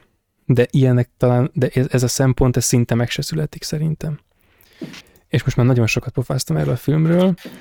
Holnap, most megnéztem közben a mozi műsort, és holnap este lehet, hogy lesz idő megnézni. Na, köszönöm, helyes, helyes. Csináltunk belőle elemzést is, hogyha gondolod. Meg már azért is, már csak ilyen becsületből is, mert azért már rég néztem magyar filmet moziban, és szerintem idén még nem is láttam magyar filmet, csak nekem a egy időben nagyon lelkesen viszonylag sok magyar filmet néztem, csak ez a lelkesedésem a szépen lassan akarva akaratlanul így a Andy Vajnával együtt így meghalt. Mert itt, tehát amíg ő volt, addig így megint oda megyek vissza, hogy ez az egyéni preferenciámra, de hogy azért akkor nagyon sok, nagyon jó műfai film is készült, és az ugye az a, azóta, hogyha ami filmintézetes film, azért az egy eléggé központilag egységesen kijelölt narratíva mentén épül fel, amiben szintén azért készülhetnek korrekt darabok, tehát tavaly a blokádot azt láttam utólag, és nem volt úgy rossz, sőt, de de hogy, ja, hogy de viszont így akkor most így, így törlesztem az adósságomat, meg amit így mondtál a filmről, azért az semmiképp nem azt sugalta nekem, hogy ezt így kár lenne, nem kár lenne megnéznem, úgyhogy... Igen, igen. Meg most még egy dolog eszembe jutott különben, hogy említetted a, az Andy Vajnát, meg rajta keresztül a műfaj filmezést, meg azt, hogy mit mondanak általában a filmekről, és milyen narratívák szerint kell megítélni a támogatott, illetve nem támogatott, hanem gerilla mód elkészült filmeket. Tehát én engem hallatlanul, végtelenül idegesít az, hogy azon az oldalon, ahol elvileg a, elvileg a független filmezés van, ott, ott dívik egy olyasfajta megközelítés, ami azért végtelen primitivizmus jegyében kb. három narratíva szerint működik. Az egyik, hogyha egy film az filmalapos, vagy hát most már ugye NF is, akkor az, Igen. akkor az hogyha jó, akkor igazából akkor se jó, mert kognitív diszonancia módon az egyszerűen Igen. nem lehet nem jó. lehet jó. Nem ah. lehet jó. Ha nem filmalapos, ugye, vagy hát most már NF is, akkor pedig ugye az van, hogy vagy külső szponzorok által készült, akkor el lehet mondani, akkor is, ha szar, hogy jó, hiszen nem NF is támogatott izé, ezért aztán még, hogyha tartalmilag szar is, mégis egy partizán munkának tűnik az, hogy most a izé, trombitorholó az oligarchia rémuralma alatt kiálltunk De. a hazánkért, ami fasság, mert ilyen alapon egy film nem lesz se jó, se rossz, vagy pedig azt lehet elmondani, hogy hát nem is a mi filmünk, bazd meg, mert nem mi adtuk rá a pénzt, és akkor dögöljünk meg valahogy így. És ettől én, ettől én nagy fasz kapok ettől mindhárom olyan szintű butaság, hogy el sem bírom képzelni, és pont a, ugye a, a Cannes Filmfesten díjazott 27 című izé, animációs film, ami különben zseniális, tehát tényleg én nem hittem a hype-ja miatt, már prekoncepcióim voltak, hogy ez mégis mennyire lehet jó. Arról is valamennyi Ez a francia pénzből készült. Igen, igen. Valamennyi diskurzus folyt a filmről, de hát, de hát hol az francia pénzből van, az nem magyar, hát akkor az meg, is erről kell beszélni. És ez engem ez rendkívül zavar. Szóval Igen, általánosságban azt, azt, bocsánat, csak hogy azt, azt támogatnám, hogy, hogy oké, okay, hát hogyha nem lehet ö, rendesen filmezni, hát filmezzünk szarul, ö, vagy hát filmezzünk gerilla módra, de azért valahogy szülessen meg a kulturális diskurzus a filmekről, hogy tényleg arról beszéljünk, hogy milyen a film, és miről szól, és a filmet fejtsük meg, és ne feltétlen a, a, azokat a narratívákat a filmen keresztül, amiket már egyébként is fejtegetünk eredménytelenül. Mert a film megfejtésén keresztül talán több tudáshoz jutnánk el magunkról, meg a helyzetünkről. Hát meg először beszéljünk a filmről, és akkor majd utána persze lehet arról is, hogy ki adta rá a pénzt, meg miért, de először beszéljünk szerintem is a filmről, és itt tényleg itt nem amikor volt az Andy Vajnás korszak, ott tényleg én nem azért lelkesedtem be, mert, mert nem ide, vagy mit tudom, hogy nem a ideológia miatt, vagy azért, mert ő adta rá a pénzt meg amiatt, hanem mert olyan filmek készültek. Nem tudom, a, a Koyotot látta, de Melyiket? A Koyot négy lelkében? Ez most nem, nem, nem, nem, nem ez, ez egy 2017-es film, annyi a cím, hogy Koyot, egy magyar film. Nem, szerintem nem. Mindegy, mindegy. Mert az, az, az is olyan volt, hogy adtak pénzt, aztán utólag el akarták tüntetni, az ilyen érdekes jelenség volt, mindegy, az egy, az egy, egy kurva jó film, az Jaj, most tudom. Én, én csak a van valami furcsa és megmagyarázhatatlanra tudok nyilatkozni, de hogy azt bemutatta ezt a belpesti életet, az úgy mutatja be a magyar vidéket, tehát annyira hitelesen. Meg ott, nem mindegy, tehát ilyen, a, jelenleg a magyar vidéken lezajló folyamatokat ábrázolt a film, ami ugye sok érdekbe ütközött, hogy ezt így ábrázolják egyáltalán, és azért akarták azt eltüntetni, de meg van egy másik film, ami eszembe jutott, az a Kút című film volt, ami meg szintén egy ilyen nem tudom, hogy konkrétan melyik műfaj, de azonban egy nagyon ilyen jó ilyen műfai film volt. Tehát nem, az is elsősorban, hogy nem egy magyar film volt, hanem egy film volt, és így egy, de közben, ilyen, így, de közben így megmártozott a magyarságában is ilyen nagyon jó ízűen, és így, na mindegy, hogy így arra akartam kiukatni, csak közben ilyen anekdotázgattam, de hogy, a, hogy amikor elkezdtem én is lelkesedni ugye a magyar filmek iránt, az elsősorban a filmek önmagukban való érdeme volt.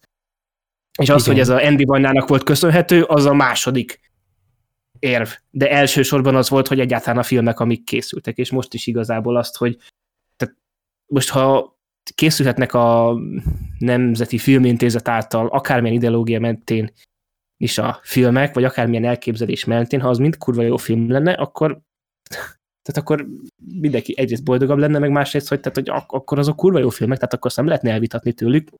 Nem láttam, mondom, a blokkádot láttam egyedül, ami ilyen mindenképpen abba az a filmintézetes narratíva beleidő darab volt, de hogy az is egy jó film volt szerintem. Igen, igen. egyébként ehhez még, még, még hozzátennék annyit, meg aztán még egy másik dolgot is, addig el nem felejtem, hogy ugye itt a támogatásos rendszer elsősorban nem az a baj, hogy szarfilmeket csinálnak, hanem hogy egy csomót meg se csinálhatnak a készítők. Igen, igen, az volt a jó az Andy Vajnáskorban, hogyha tényleg volt valami olyanod, akkor azt megcsinálhattad.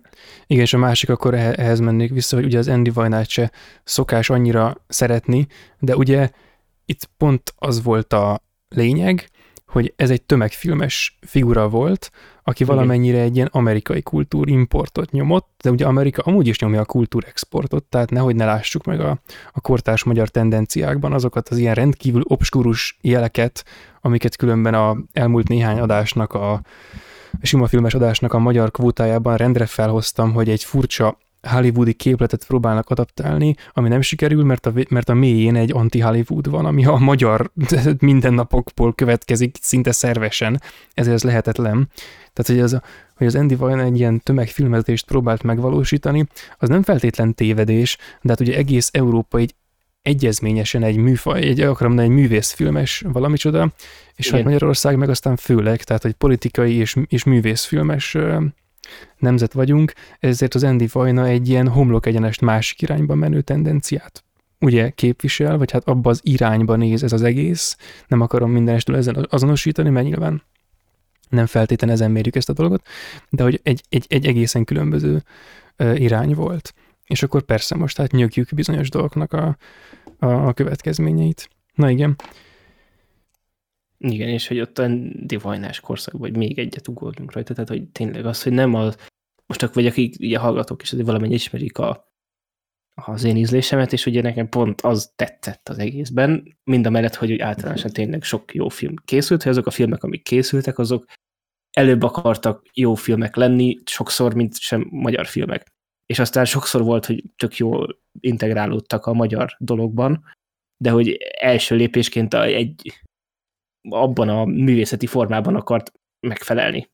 És ugye szerintem ez az a fajta valamilyen szintű pragmatizmus volt, amit ugye a Andy Vajna hozott az USA-ből, ami, ami viszonylag jól tudott egy ide, ideig interpretálódni a magyar filmes piacra.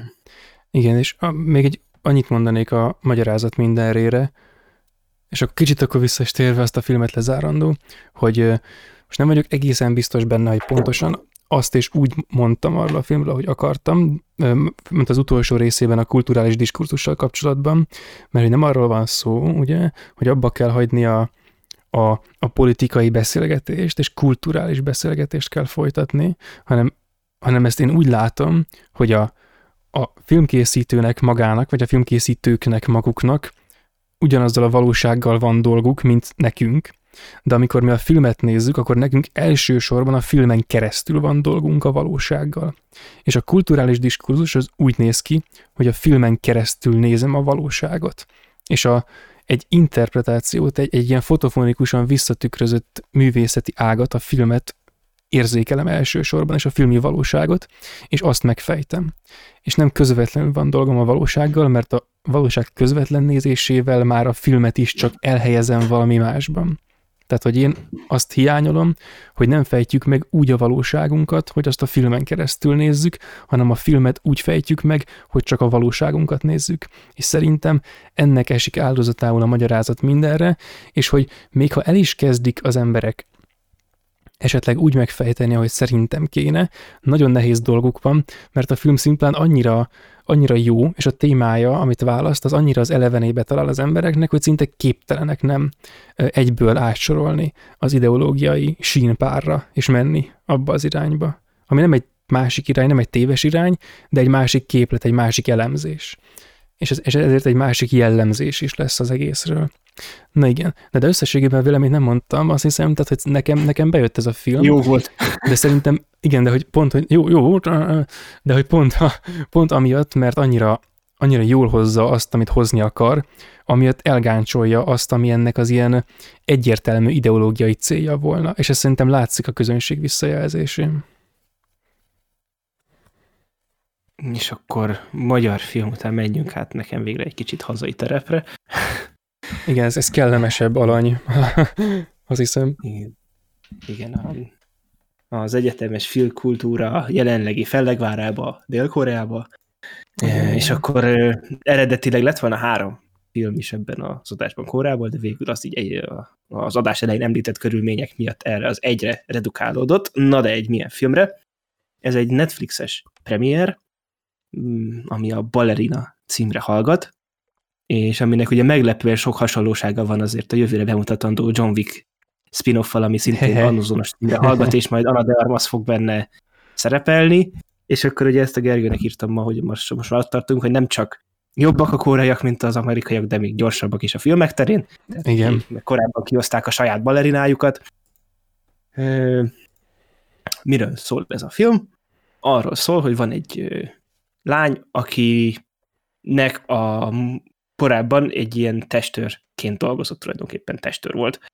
És neki az egyik barátját, aki egyébként ugye egy ballerina volt, ő mellékhál, vagy az lett volna, a, az volt a szenvedélye, és mellette ugye mellékhálásban is dolgozott, mint egy, egy barátját megölik, és talál ott egy cetlit, ami mondja neki, hogy igazából hogy, hogy sajnálom, hogy ez történt, mert öngyilkos lett, nem megölik, hanem öngyilkos lett igen a, a barátja, és hogy a Cetlin írja neki, hogy bosszulj meg, és odaír egy nevet. És akkor ugye ő neki ugye csak úgy, mint a Liam Neesonnak az elrabolvába, ő, ő birtokában van olyan képességeknek, ami a, amik a bosszú végrehajtásában őt segíteni fogják, és hát elkezd nyomozni, és így egy ilyen eléggé letisztult, egyenes akció, bosszú sztori kerekedik ebből a filmből, így ennyi spoilermentesen. És azt, hogy amikor megnéztem, tök jó volt, és így utólag így bennem is sokat ülepedett ez a film, még Gergőnek is mondtam, és nekem nagyon tetszett már, amikor megnéztem ez a film, de így, így, így utólag így valahogy így rám épült, és ez így tökre így megfigyeltem mostanában, hogy egy ilyen hasonló ábrázolásmódot használó filmeknél ez így tökre jól tud működni nálam, hogyha jól van elsütve, és ez a film szerintem ezt jól használta. Tehát ezt úgy kell elkezdeni egy kicsit így a, valahogy a Drive meg a John Wick között van így félúton. És így, tehát hogy megy ez a ilyen szintetizátoros zene, minimális párbeszédek, és eléggé letisztult és sokszor stilizált ábrázolásmód, és igen, és ez a, hogy miért tetszett, egyrészt, ami egy ilyen, szerintem egy ilyen, valamilyen szinten egy ilyen kórai sajátosság, de az, hogy a, tehát ők úgy ábrázolják a heteroszexuális barátságot, ami nekünk, így nyugatiak szempontjából, ez tök sokszor az van, hogy így egy ilyen, a, az a kapcsolat, ami két szereplő között így kialakul, azt mi nekünk, mi azt már egy romantikus kapcsolatként interpretáljuk. Láttam ilyen kommenteket, a... sokat Letterboxdon, amit téged igazol. Hogy? Tehát, és hogy ez egy, ez egy, most ugye azért az elmúlt években, már mond, lassan már éveket mondhatni, meg úgy, stb. azért így el, a korai filmek mert így a egész kultúrában is így azért így elmélyültem, na mindegy, de hogy ez a filmekben is egy ilyen visszatérő motivum, amit így én is megfigyeltem, hogy, és nekem ez egy nagyon szimpatikus dolog olyan szempontból, hogy a, tehát, hogy, hogy a barátságot ők így ábrázolják, és tényleg az, hogy egy, tehát ez a barátság is, amit ebben a filmben bemutatnak, az Amerikában az túl a barátságon címre hallgatna, pedig itt, itt, de hogy itt ettől függetlenül, hogy tehát ez teljesen őszintén, ez egy nem, semmilyen szinten nem romantikus, és vagy szexuális kapcsolat volt a két hölgy között, hanem teljes mértékben egy tehát ezt így, így, így, így tudom tényleg megfogalmazni, egy teljes mértékben heteroszexuális barátság volt. Ez egy barátság között. volt, igen. Igen, ez egy mezei barátság volt, csak ugye, hogy ha, ha megnéz valaki a filmet, akkor tudja, miről beszélek, vagy ha látott ilyen jelenséget a koreai filmekben, de hogy meg a köszön, sok más letterboxd felhasználó is így látta, hogy tehát, hogy ez így a mi nyugati szemünkkel, ez, ez, a, ez a, a barátságnak ez a szintű foka, ez egy ilyen élettársi kapcsolat már inkább körülbelül, de mindegy, de ez, nekem ez egy nagyon szimpatikus dolog, hogy ők ezt ennyire e, ilyen szenvedélyesen tudnak egy mezei barátságot ábrázolni, ami egy ilyen bosszú sztorinál így a érzelmi töltetéhez kifejezetten sokat hozzá tud tenni, és akkor mellé pedig a filmnek tényleg egyszerűen nekem a, tehát az a körítése az engem teljesen magával ragadott, és így tényleg annyira hatásos volt szerintem. Például, amikor van egy körülbelül egy jó 20 perces nyomozós rész a filmben, amikor tulajdonképpen párbeszéd sincs benne, és vizuálisan igazából viszont mindent elmondanak, és közben, tehát hogy jó volt látni, hogy vizuálisan nyomoz, vizuálisan látunk egy nyomozást, és nem elbeszélve van, hanem tényleg azt látjuk, hogy itt megy a lány, követi őket, nézi, és szépen rakja össze a szálakat, és nincsen semmi elmondva, de a látottak alapján te mindent vagy el tudsz olvasni, vagy ki tudsz következtetni abból, amit föl kell fognod. Csak Igen, ugye ez annyi, hogy ez olyan szempontból, ugye az is nekem egy szimpatikus húzás, hogy ez egy ilyen lázadása azokkal szemben, akik ugye ilyen ö, félszemmel nézik a filmeket. Mert Igen, ezt akkor ugye rohadtul nem fogod érteni, hogy ki hogy miért ak- került. Akkor, akkor, tehát e- ezt a filmet ezt nem tudod úgy megnézni, hogy hogy félszemmel, mert akkor, tehát sem, akkor nem fog átjönni semmilyen szinten az, amit ez a film akar mondani, nem fogod érteni, hogy mi történik, nem fogod érteni, hogy miért jutnak ezzel a karakterek, és így nem fogod érteni a filmet. Sok filmnél meg lehet ezt tenni, hogy azért ugye nagyját így átjöjjön, ennél a filmnél nem, és ez nekem tetszik, hogy ez így bevállalja, cserébe ugye szimplán 9 perc az egész, és azért nem egy olyan megterhelő darab, és mellé tényleg van tök sok ilyen nagyon hatásos húzása, a, ez a, itt is ez a hasonló szintű bosszúfilmekre jellemző mini-univerzumot szépen fölépíti magának, és, ja, és mellette pedig tényleg vannak benne kegyetlen jó és hatásos akciójelenetek. Tehát a, pont a film nyitánya az, ami nekem olyan kicsit olyan, tehát hogy igazából annak technikailag egy tök jól megcsinált verekedés van egy boltba, gyakorlatilag meg igazából így kilóg a filmből így utána, ha megnézzük. Igen, az azért van ott, hogy ilyenkor mindenki megállítsa 4 perc 3 másodpercnél, és ráírjon a filmes haverjára, hogy hallott 10 per 8. Igen. Ugyan, ugyanezt csináltam, tehát így ma, ma néztem ezt a filmet, és így ugyanezt csináltam. Tehát igen, az, az annyira, annyira nem tudom, egy, egy ilyen John Wick-et zárójelbe tevő koreográfia van ebben, hogy azt így nem tudom, arról meg kellett emlékeznem. De már így a negyedik percnél. Meg különben, Igen, tehát ez amíg... a film, és az a leg, egyik film, és az a, a az idős házaspár mellett így igazából az a film elejé akciójelenet az egyik leggyengébb pontja. Tehát így... Jó, igen, az idős házaspár az egy, az egy külön mesét megérne, amit azokat leművelnek a fegyverekkel, tehát az, az valami Ez a legendás korai humor megjelenése volt megint. Igen, meg ez annyira debil, hogy az ember már el se hiszi, hogy tényleg megtörténik, és tényleg megtörténik, és az a vicces, hogy az ember már el se hiszi, hogy tényleg meg, valaki megcsinálja egy ekkora fasságot. És hogy az így, így ebbe a filmben megtörténik, tehát hogy hozzá az is, tehát hogy így, igen, de ugye és mellé meg tényleg az, hogy ez egy ilyen tökre hangulatfilm, és így ez a hangulat meg tudod fogni, és ugye utána tényleg a John Wick-et zárójelbe tevő akciók, tehát hogy a, ami van a, a hoteles akciójelenet is, amikor tényleg ketten verekednek egy szobában, és az is annyira hatásos, amikor egy szereplő le akar szúrni egy másikat, és így tudod, hogy látjuk, hogy oké, okay, valahol betalált az a kés, de hogy nem lát, és elkezd a vér is csöpögni, de nem látjuk, hogy hova. Igen. És így hub, hubaz meg itt mi lesz. Csak gondolhatjuk, hogy így, hova. És aztán látod, hogy mi történik, és akkor hubaz meg itt ez van, és utána tényleg, hogy eszkalálódik az egész ott a szállodában dolgozókkal, meg mindenkivel, tehát ez tényleg az zseniális volt és hogy a végén is, amikor van a nagy leszámolás, amikor ugye a főszereplő kivégez száz embert, mondjuk úgy, Kár. és hogy egyrészt az is, hogy, hogy technikailag az is tényleg, hogy látni kell kategóriát. Na, az már John Wick-et zárójelbetevő.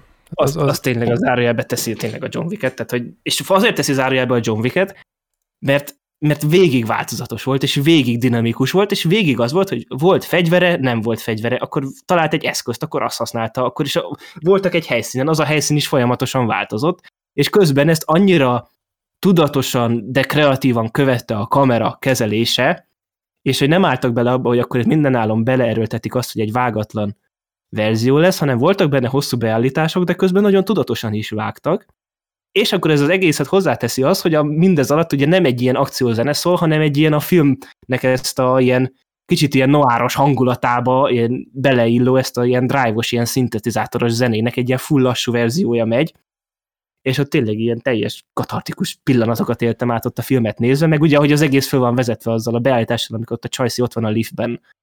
Igen, igen, igen, igen, igen, igen. Meg ugye, ahogy, ahogy elkezdődik az akció ott azt nem spoilerezem el, de hogy tehát az is, most megmondom őszintén, azt ugye és nem gondoltam volna, hogy akkor itt most ez lesz, hogy ott elsül egy fegyver. Tehát Igen, az, az, az volt az, amire az ilyen szituációkban mindig várok, és sose csinálják meg, és az meg egy annyira örültem, hogy na végre, végre, igen, valaki megcsinálta azt, amit meg kellett csinálni. De különben engem már az kurvára szórakoztatott abban a részben, hogy ő akkor azokhoz toppant be, akikhez betoppant. Mert hogy ez ilyen teljesen a, a, a sztori megy egy irányba, és hirtelen szembe jön a sztori a másik irányból, mint hogyha összetalálkozott volna a saját farkával, és ebből egy ilyen nagyon érdekes szituáció sül ki, hogy, a, hogy a, mit tudom, van a csaj, ő bosszút akar állni valakin. Ez a valaki, ez valakiktől függ egy nagyobb intézménytől. Oké, okay, koreaiak, gangster, story, nem fejtegetem.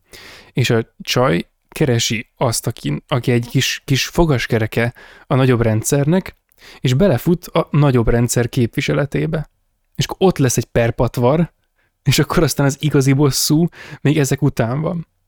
Igen. És hogy Ami az is tök érdekes volt, hogy csak egy, egy annyit ehhez, hogy Mondja. ezek a hagyományos műfajfilmes fogások, ugye nekem ez a mániám, hogy a, hogy a koreai mozi az, olyan, az sokkal hatékonyabban hasznosítja újra, és használja fel, és mixeli össze a, azokat a, azokat a műfajfilmes eszközöket, amelyeket annó hollywoodi mozi fejlesztett ki, hogy olyan, olyan hatékonyan a hollywoodi mozi soha nem fogja tudni. És ez tipikusan az ilyen alkotó ö, féle filmeken látszik, ahol amiben, mit tudom én, van humor, próbál megkomolyodni, próbál ilyen, ilyen fordulatot venni, olyan fordulatot venni, de látszik, hogy nem jó, nem jó. Tehát a koreai filmek... Csikorognak a fogaskerekek. Csikorognak a fogaskerekek, mint amikor a, a, a régi villamosig kanyarodik, és akkor még szikrázik is a, a sín, tehát hogy annyira izé, és közben megdöglenek az emberek, és amikor éppen fékezni kell, akkor nem tudnak úgy fékezni.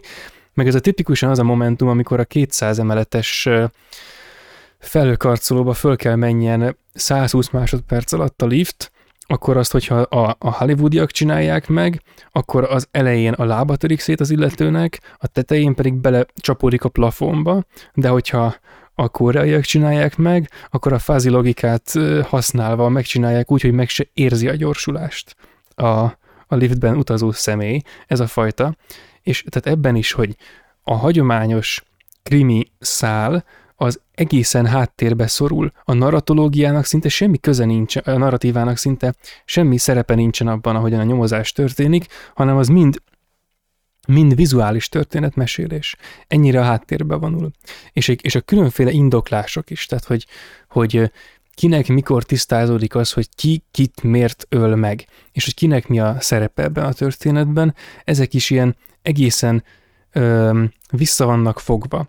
De nem abban az értelemben, ahogyan például a Tyler Rake-ről mondtam el ugyanazt nemrég, hogy oké, okay, megfutottuk azokat a minimális köröket, amelyek kellenek ahhoz, hogy egy narratív műfaj egyáltalán meg, egy, akarom mondani, tehát egy narratív művészet, egy, mű, egy műnem, vagy egy, egy médium létrejöhessen, tehát hogy valami minimális sztorit azért írnak, aztán elkezdenek akciózni, hanem itt, itt ez, ez úgy működik, ahogy Tyler Rake soha nem fog működni. Tehát itt, itt annyi értelme van a sztorinak, és az különben a méretére nézve akkora, és az egyik kicsi, a másik nagy, hogy ilyen arányban ezek egymáshoz képest még akciófilmben soha nem voltak, vagy hát nem is lehettek, mert ez egy gyökeresen új korszak, amit itt ők képviselnek, na de mindegy. A lényeg, hogy ez, ez, ez nagyon zseniális, ahogyan ezeket a dolgokat adagolják, És még a másik hozzá, hogy az a bizonyos akciórész, amiről itt te is beszéltél, hogy mennyire kreatív, az különösen azért teszi szerintem a John Wick-et zárójelbe, mert számtalan ponton nagyon hasonló a John Wickhez. Igen. Tehát ezek a közelről ide-oda lövések, meg a, az, a fegyvereknek a... Eszközhasználat. Az eszközhasználat, igen, a, annak a módja. Az nagyon sokszor a John Wick-et idézi, de olyan pillanatainkban, amilyen pillanatai annak talán sose voltak. Tehát, hogy valami, valami annyival okosabb, hogy azt nehéz is, nehéz is elmondani, mert én nem vagyok annyira okos, na, te tessék, hogy valahogy így. Aztán végül is, amikor megnéztem a filmet, nekem támadt egy kis bajom, Hát összességében azért nem szoktam túl sok pontot adni az ilyen filmekre, de nálam végül azért 7 per 10-nél végezte, mert hogy szerintem azon a ponton, hogy a kis csajnak végül is mi dolga van itt, mármint a kis-kis csajnak, uh-huh. az szerintem az azért az túl minimál volt. Tehát, hogy azt azért én nem egészen éreztem indakoltnak, hogy akkor most még, még ő is itt van ebben a sztoriban valamiért, oké, okay, egy újabb motivációs erő, egy újabb olyan szereplő, aki korábban az volt, aki miatt az egész történik, ugye?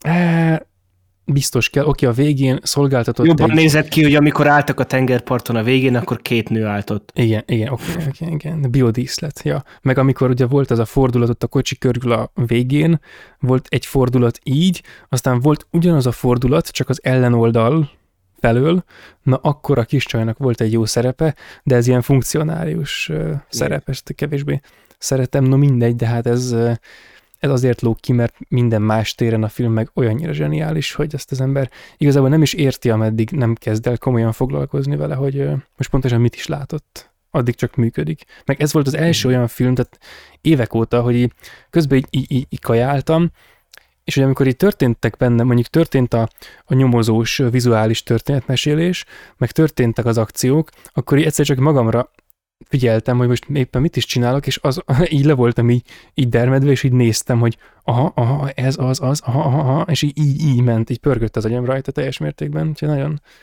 egy nagyon-nagyon hálás élmény ezt a filmet nézni. Igen, és ő tényleg itt van hozzá, hogy tényleg egy gyönyörű barátságot bemutat, és hozzá egy elképesztően katartikus bosszú sztori, és így egy, egy barátságról és bosszúról szóló filmnél ennél több nagyon nem is kell, és ez itt van mind. Igen, igen, igen, igen. Pont itt, és ott a végén, amikor volt az a víz alatti beállítás ott a ballerinával, meg mindennel, és itt tényleg így azt éreztem, hogy na, akkor most így révbe értünk, és akkor minden a helyére került, és hogy még sok ilyen filmet. Tehát így Úgyhogy, ja. úgyhogy tényleg egy nagyon-nagyon-nagyon teljes élmény volt ez a film. És mindenki és nézze egy... meg azokat a koreai filmeket, amik kimaradtak ebből az adásból, mert a következőben benne lesznek. Igen. Igen, ami késik nem múlik. Igen, és a The Moonból már láttam 25-30 percet, valami ilyesmit, és az alapján Én meg már az egészet. Hogy kurva jó szó, azt mindenki nézze meg, mert a következőben lesz kibeszélő belőle.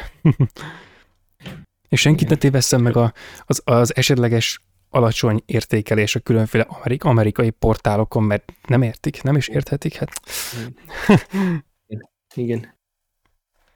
E, és akkor már csak az blokk maradt hátra, az adás végi horror filmek, Aha. és akkor a elsőként VHS 85, az idei VHS film, most már harmadik éve zsinórban kapjuk a Shudder-től a VHS filmeket, és akkor ez volt az, amit én a Discord szerverünk tagjaival közösen a Filmklub extraként megnéztünk együtt, és ugye először, ugye, jó, van ugye az első trilógia mondjuk a VHS-ből, a VHS 1-2, meg a Viral, amiből a VHS 1-2 kurva jó, a Viral pedig nem, és akkor és akkor utána volt a 94, amit ugye azóta a filmklubban azt is megnéztünk, és azt Gergő ezeket újakat is már minden látta, és hogy azért akarok kicsit beszélni róla, mert hogy ennek a filmnek, hogy ez nekem szerintem miért volt jobb, mint a 9, tavalyi 99, az kell egy kicsit beszélni a 94-ről is, amit ugye először annak az évösszegzőben említettem meg én a futottak még kategóriában, hogy nyilván ez azért ez nem úgy egy jó film, de hogy azért én azt úgy említeném, hogy ez itt volt, és azért ez megérdemes megemlékezni róla, de hogy ami abban a filmben jó volt, az valamilyen szinten ez a új részben is előjött. És tényleg az a mindig arra lyukadok ki, de abból a VHS 94-ből az a patkányemberes sztori, hogy ez a kicsit trashy, kicsit ilyen rá lehet sütni, hogy gagyi, de közben pedig annyira elborult és annyira őszinte horror story, hogy így nem lehet rajta nem szórakozni. És igazából ebbe a VHS 85-be egy kivételével a, az összes sztori igazából ez volt, ez a kicsit ökörködős, kicsit egy nagy fasság az egész, meg kicsit ilyen hülyeség, de hogy igazából ilyen jópofa horror akármi. Tehát ez volt a...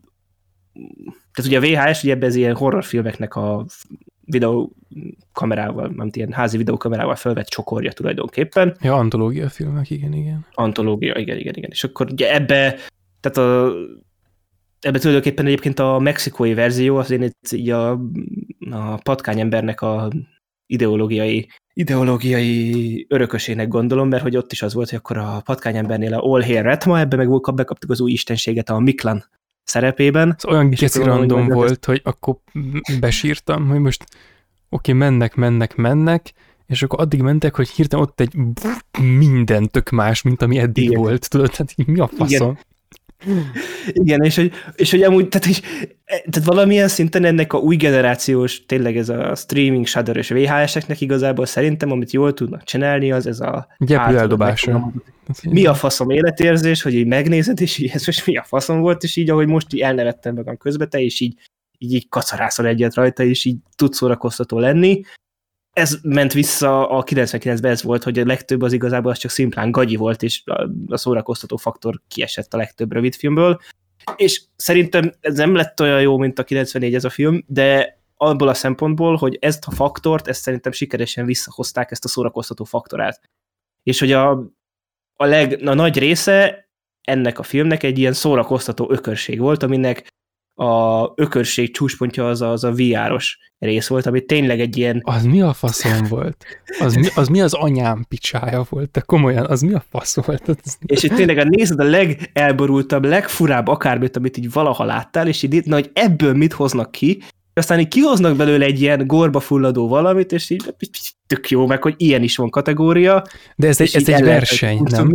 Tehát ezt így, ezt így meghirdetik, hogy aha, következő VHS film, és akkor na most az lesz, hogy megadunk ilyen premisszákat, amiket random generálunk, megvannak jelölve témakörök, úgy csinálják, hogy az egyetemes tizedes osztályozással felosztott könyvtár tematikában random generálnak számokat, ott szintén tovább generálják, ameddig egy konkrét könyvhöz el nem jutnak, ezt és az oldalszámot is kigenerálják, a sort is, és ami oda van írva, az lesz a premissza. És na, akkor csinálnak egy ugyanilyet, és az meg a konklúzió, amit így kapnak a második körben. És a kettőt össze kell kötni. És így horrorfilmet kell rendezni, valahogy. Tehát amikor ez meg, amikor az első cucc elkezdődött ebben a filmben, ami aztán ugye visszaköszönt később is, egyébként ez volt benne az, hát kb. ez egyetlen, de mondjuk, hogy elég nagy pozitívum, miatt nem, nem vagyok teljesen lelombozva miatt a És egy geggel volt lezárva. Az geggel volt, igen, lezárva, annak annyi, nem örültem annyira, de nem volt azért rossz. És hogy nézem ezeket a fajta horrorokat, és akkor egyszer csak meglátok egy ilyen, egy ilyen kövérkésebb illetőt, aki így magyarázza, hogy hogy fú, hát itt ez a VR, és akkor ez úgy néz ki, hogy itt megfogom, és fölemelem, és akkor ott a pohár, és akkor beleiszok, és akkor jaj, de VR.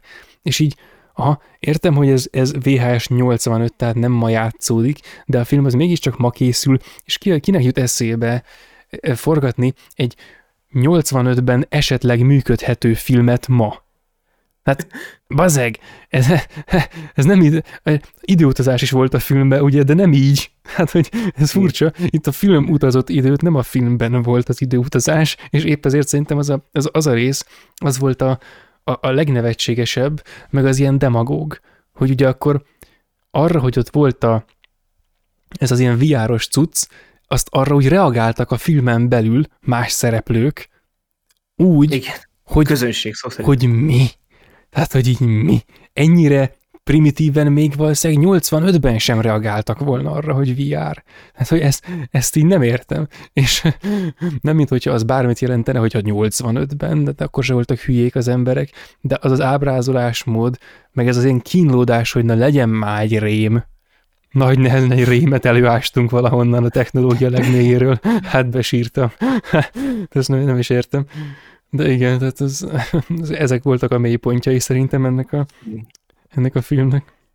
Igen, de viszont még egy pozitívum volt nekem, hogy volt ugye a videó, a videókazettás sztori benne, és hogy azért azt azért érdemes tudni erről a szériáról, hogy azért az elején azért ez nem teljesen tényleg ez a szintiszta ökörködés volt, hanem azért, most így mondom, kb. libabőrös is vagyok, hogy azért ott így voltak azért elég para rövid filmek.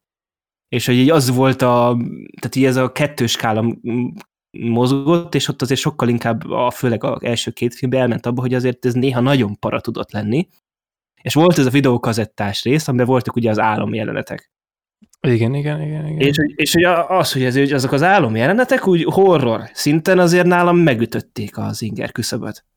És hogy a, az olyan volt, hogy itt akkor ugye itt, itt néztem a sötét szobába, és így, hogy ó, na azért az itt, így most erre így hirtelen nem számítottam, hogy akkor itt ennyire átmegyünk a terrorba, mert itt tényleg itt is azért egy ilyen elemi ö, félelmet félelemre játszottak rá, hogy azért valakinek az otthonában megtörténik vele olyan, amit ebből a filmben megtörtént az emberekkel az otthonukban.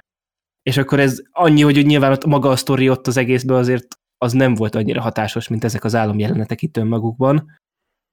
De azok az álomjelenetek azért akkor is. Hú. Egyébként őszintén megnéznék egy két és fél órás horrort, ami olyanra van fényezve, mint azok az álomjelenetek. Igen. Mert az valami olyan geci jól nézett ki. Tehát azok, az olyan kurva jól nézett ki, azok a fények, meg olyan szemcsés volt, tehát rohadt jól nézett ki, az annyira, annyira megnéznék egy filmet olyanra fényezve, tehát valaki csináljon egy ilyen filmet nekem, mert az, az, az elképesztően jó volt. És hogy ilyen szempontból ez az egész VHS 85, szerintem azért ez a jobb kategória, mert hogy a 94 az tényleg ez az ökörködés szintén marom jól működött, a korai részek azok tényleg horrorként, a tavalyi, amit már megbeszéltünk tavaly, azt sehogy nem működött. Hát és igen, ebbe, volt egy-két jó momentum, de egyébként sehogy. Igen, de ebben nem, de hogy ebbe az ökörködés így tényleg ilyen kellően nagyon, tehát nagyon nagy állatságok voltak, tehát tényleg, tehát az a VR-ost, az a maga primitív módján az a látni kell kategória, tehát, tehát hogy azt nem, most elmesélhetnénk, hogy mi van benne, azt, tehát azt nem lehet sehogy nem átadni, azt látni kell, de hogy egyrészt az ök- ökörködés működött, másrészt pedig, hogy valamilyen szinten sikerült a tényleges terrort is visszahozni a szériában. Pont Igen, annyira, hogy akkor majd, amikor jövőre is... jön a VH, vagy bocs, hogy pont annyira, amikor kijön majd jövőre, mit tudom, a VHS 20, 24, akkor az majd pont annyira érdekelje már, hogy akkor megint megnézzük. Biztos, hogy meg fogom nézni, de azért, fú, tehát itt nekem ezzel az volt a bajom különben, így általában ezzel a, ezzel a filmmel, hogy tehát az a baj, hogy egyik, egyik részét se mondtam volna, hogy igazából érdekesnek. Tehát az, még, még a kedvencem egyébként az volt, a, ami, amivel nyitott a film, és amivel valamennyire zárt is, ugye, azt úgy szerettem, mert a, a, maga ilyen... melyiket a, a... A tavas lövöldözős. A tavasat, igen, igen. Igen, igen. Az, nem a, nem az a, a űrlényeset. Ja, tényleg, hoppá, igen, bo- nem. Oké, okay, csak eszembe jutott, olyan is volt. Jó, de pedig most néztem nemrég, szóval, na igen, ez most engem írt le valamennyire. Vagy a filmet. Legyen, legyen mindkettő, legyünk ilyen kompromisszumkészek, és akkor én se semmisülök meg teljesen. És akkor cserébe most nem mondok nagyon rosszat, na, tehát most, most ez, ez, ez most már így történt, hogy az a rész különben a maga módján nekem eléggé tetszett. Tehát ez egy, ez egy olyan dolog, hogy mit Igen. tudom én, az emberek itt vannak egy helyen, és akkor elkezd velük az történni, ami ott történt, az mondjuk tudott volna tök, tök kurva rémisztő lenni, hogyha nem az lesz a folytatása, ami lett. Tehát, hogy én egyébként örülök, hogyha a horrorfilmek átkúsznak a fantasztikumnak a területére, tehát természet fölötti ö, tudsz következik be, tehát ilyen, ilyen olyasfajta szempontok jönnek be, amelyek általában nem jönnek be, mert én nálam itt kezdődik a, a horror igazából, egész addig a terror tart. De igen, de amikor elkezdtek hullani szerint, az emberek, az kemény volt. A, az rohadt jó volt, meg az olyan volt, hogy ezt azt hiszem neked nem meséltem, de most miután hogy a fűrész kibeszélő... jó, tehát miután a, a, a fűrész kibeszélőknél elmenőztem, hogy a fűrész három disznódarálós rész közben én annó paprikás krumplit zabáltam, most ekközben is, mikor ezt kezdtem el nézni, mielőtt elmentem volna még a, még a, a, a, a filmfestre, azelőtt, azelőtt kezdtem el nézni, és közben valami tésztát kajáltam, és azt így kinyomtam ezt a filmet, hogy jó, most én meg tudnám ezt így kajálva is nézni, de most inkább nézek helyette egy ennél sokkal kedvesebb, kevésbé mit tudom én, gyomorforgató horrort, mert most nem szeretnék kaja közben undorogni, mert, mert most ez annyira finom ez a tészta, hogy inkább, inkább a tésztát élvezném. Tehát, hogy egy ilyet Képességed lett volna megenni a tésztát, csak szándékod nem volt. I- igen, igen. Tehát nem akartam magamnak rosszat, és ugye ha az ember nem akar magának éppen egy kicsit rosszat, akkor nem neki való, akkor éppen egy horrorfilm. Tehát ebbe, ebbe ez valahogy így van. És tehát az mindenképpen érdem, hogy bennem egy ilyen érzést ez kiváltott, de sokkal jobban érdekelt addig, ameddig nem tudtam, hogy mi a fene történik velük, mint amikor kiderítették, mert úgy működött ez az egész, mint egy, mint egy ilyen balfasz krimi. Tudod, aminek a végén, mint amilyennek tartom egyébként én a 2010-es Sherlock sorozatot, kicsit, bizonyos aspektusaiban, de közel se ennyire, de mindegy képzeljünk el egy nagyon béna krimit, ami olyan, hogy a végén a megfejtés olyan, hogy azt esélyem se volt kitalálni. Tehát, hogy semmi, semmi, semmi szempontom nem volt arra, hogy hogyan fogjam meg az egész sztorit, és az egész egy kibaszott nagy kamunak tűnik.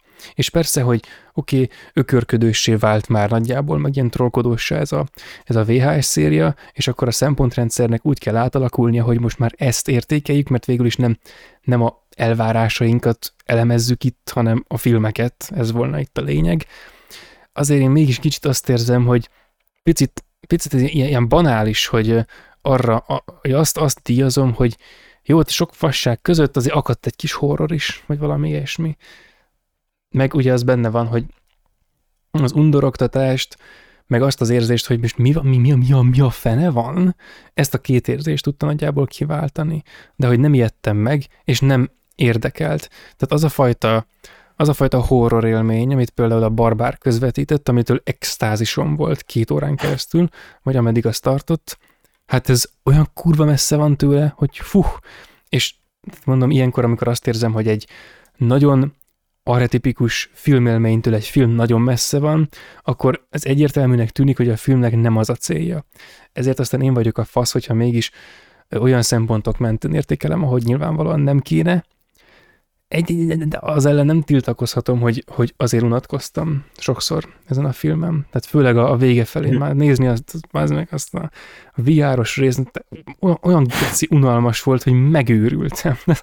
Igen, nem, nem, tehát ez nyilván abban az működött, mondom, tehát hogy te tudod, hogy mit nézel, és hogy tudod, hogy itt lesz valami, de hogy igen, tehát hogyha most azt így egy... De, de miért, miért jött ott egy rém? De azt mondom, de azt mondom, hogy a vakközönség előtt leültetünk a toldimozitba föltöltjük a nagy termet, beültetjük őket, hogy játszani fogunk valamit, és elindítjuk azt, tehát azt nem lennének kétségeim afelé, hogy öt perc után elkezdenének, két perc után kiszivárogni az emberek onnan, tehát hogy...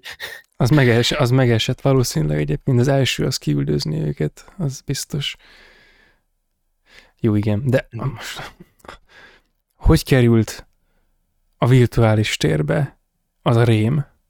Az hogy lett oda? Hát ott lakott. Ott volt, megmondta, ott az istenség. Ah. A VR isten. Ja, értem, jó. Na hát, ú, azt a kurva, tehát, hogy micsoda, á, rejtély és... Jó, ott volt mindig, csak most tudtuk fölvenni vele a kapcsolatot.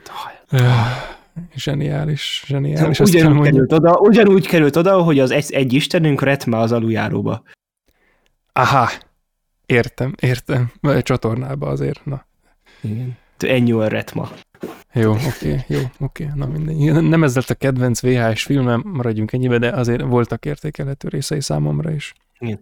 Meg igen, tehát az, hogy valószínűleg, hogyha ez a 95 után nézem, akkor nekesebb lenne a szájizem, az, hogy mennyire gyenge volt az előző, szerintem az ahhoz képest egy előrelépés volt, és az, az nekem az élvezeti értékhez már hozzá tudott adni. Most nem be se logoltam Letterboxdon, pedig tegnap megnéztem. Na, passza meg. Na. Spótoltam. És akkor a final film, a konferencia, vagy konferenzen eredeti svéd címén, ugyanis ez egy svéd slasher. És most a, most a, a, a slasher nyelvtörő bővült még egy szóval, mert eddig ugye az volt, hogy várjál, spéci slasher, de most már spéci svéd slasher. Tehát aki ezt, aki ezt kimondja egymás után gyorsan tízszer, azt előtt kalapot emelek, az kérhet egy, nem tudom, egy horror elemzés, nem tudom, tehát, hogy, hogy valami ilyesmit. Tehát a speckó svéd slasher a The Conference.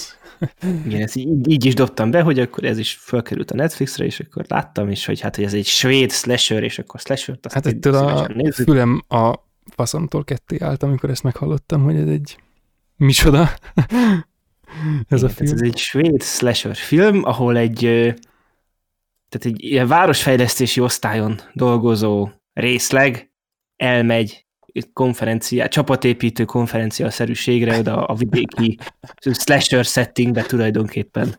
És, és akkor ugye itt van történet is, de, de, de, de hogy Van történet is amúgy. de hogy a, így beszélhetünk róla, mert hogy, de jó, de hogy akkor mondom, hogy több története van, mint egy átlag slashernek, meg több, tehát az, hogy több története igen. igen, van, mint egy átlagos slashernek, de igazából ennek így a filmre igazából nincs relevanciája szerintem. Ö, Igen, ez többről szól, mint amennyit mesél. Azt hiszem. mint amennyit mesél, igen. És ugye a, tényleg, a- ami miatt ezt tudom ajánlani, hogy, tehát, hogy jó, nagy benne a kill count, és hogy aki szereti azt, akkor csalódástként éri meg, hogy megnézze egy slasher filmet, és akkor van benne három tini, amiből csak másfél hal meg a filmben. Itt mondom, már a Gergőnek is azt írtam, hogy a film elején oké, itt vagy tizen megérkeznek a helyszínre, tehát akkor itt sok ember meg fog halni. És ebben nulla tini van, Nulla tini van, igen, mellesleg. de egyébként ezt értékeljük csak át, hogy hány tini van ebben a filmben egyébként, mert ha most átgondolom, akkor hát legalább hármat számlálok, de kicsit idősebb Tinit? tinik közül legyen mondjuk még négy. Mert ugye most a geci vagyok, tehát, viselkedő felnőttek. Igen, tehát, de de most-. Tini slasher karaktert játszanak, csak ezek már igen rég felnőttek. igen, tehát amikor nyomják ezeket, az ilyen, hogy te, te, te, te, meg így, nem tudom, hogy el akarnak játszani hülye szereplőket, és közben magukat alakítják, és annyira buták, hogy megőrülök, akkor igen, tehát ezek a, az autentikus slasher áldozatok az örök gyermekek, és ebből van vagy hét, vagy tíz, vagy valahány ilyen összezsúfolódva egy helyen. És ami még érdekes volt ebben a filmben, hogy egyébként a megvalósításában próbáltak kreatívok lenni, és ott az elején, főleg az első felében így nagyon-nagyon virtuózon játszottak a vágásokkal, ami Igen. ilyen van, amikor működött, meg de ilyen- nem is nem tudom, tehát hogy annyira fura volt, hogy itt így láttam benne, hogy akkor itt volt egy ö, kompetens alkotói gárda itt emögött, de hogy igazából így, meg hogy akartak itt tényleg ilyen morális kérdéseket feszegetni, meg ugye van egy története, amit mondtam, hogy aminek igazából nincs relevanciája igazából az egészre nézve, és hogy itt így valami többet akartak, de igazából ez csak egy mezei slasher. És hogy tehát, hogy így valahogy így tudatosan beestek a két szék közé, hogy így igaz, igazából tudnánk jobbat is, meg igazából akarunk is, de hát csak nem fogunk, és csak hentelés lesz belőle. És Igen, így- ezt, ezt tudom, amikor valaki el akar kezdeni egészségesen étkezni, de aztán bezabálja a táblacsokit. Hát, hogy így Igen. Na, me- meg tudnám, ez én voltam a, az előző filmmel, tehát végigbírnám nézni kajálás közben, de úgy, eh, faszom, tehát hogy így nem, mert inkább csinálom azt, amit nem tudom, szeretek, és akkor az ilyen rész, rész, az ilyen parciális ingerek, a Maslow piramis alja, hogy zabálni akarok, az felülírta az intellektuális célomat, azt, hogy filmet akarok nézni, hát ugyanígy jártak ennek a filmnek a készítői, ahelyett, hogy mély mély slashert gyártottak volna, ahelyett em, csináltak egy ilyet, de különben szerintem nem vagyunk teljesen korrektek, mert azért ebben van egy adag ilyen, ilyen általános befeszült skandináv vagyok önkritika. És ez szerintem elsősorban a humoron Hát Ez keresztül... az összes skandináv filmben benne van.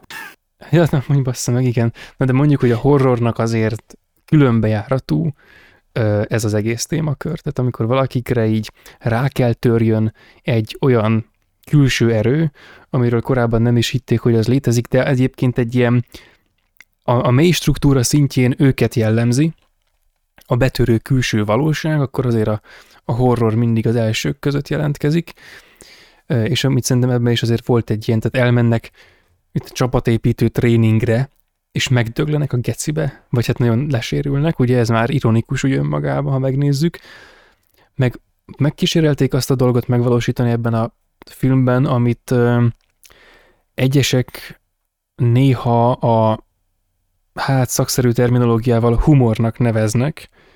Ez náluk nem kifejezetten sikerült, de néha éreztem, hogy ez milyen fajta humor akar lenni, és akkor nevettem azon, hogy valaki ennyire szenved, hogy megcsinálja, és ennyire nem megy.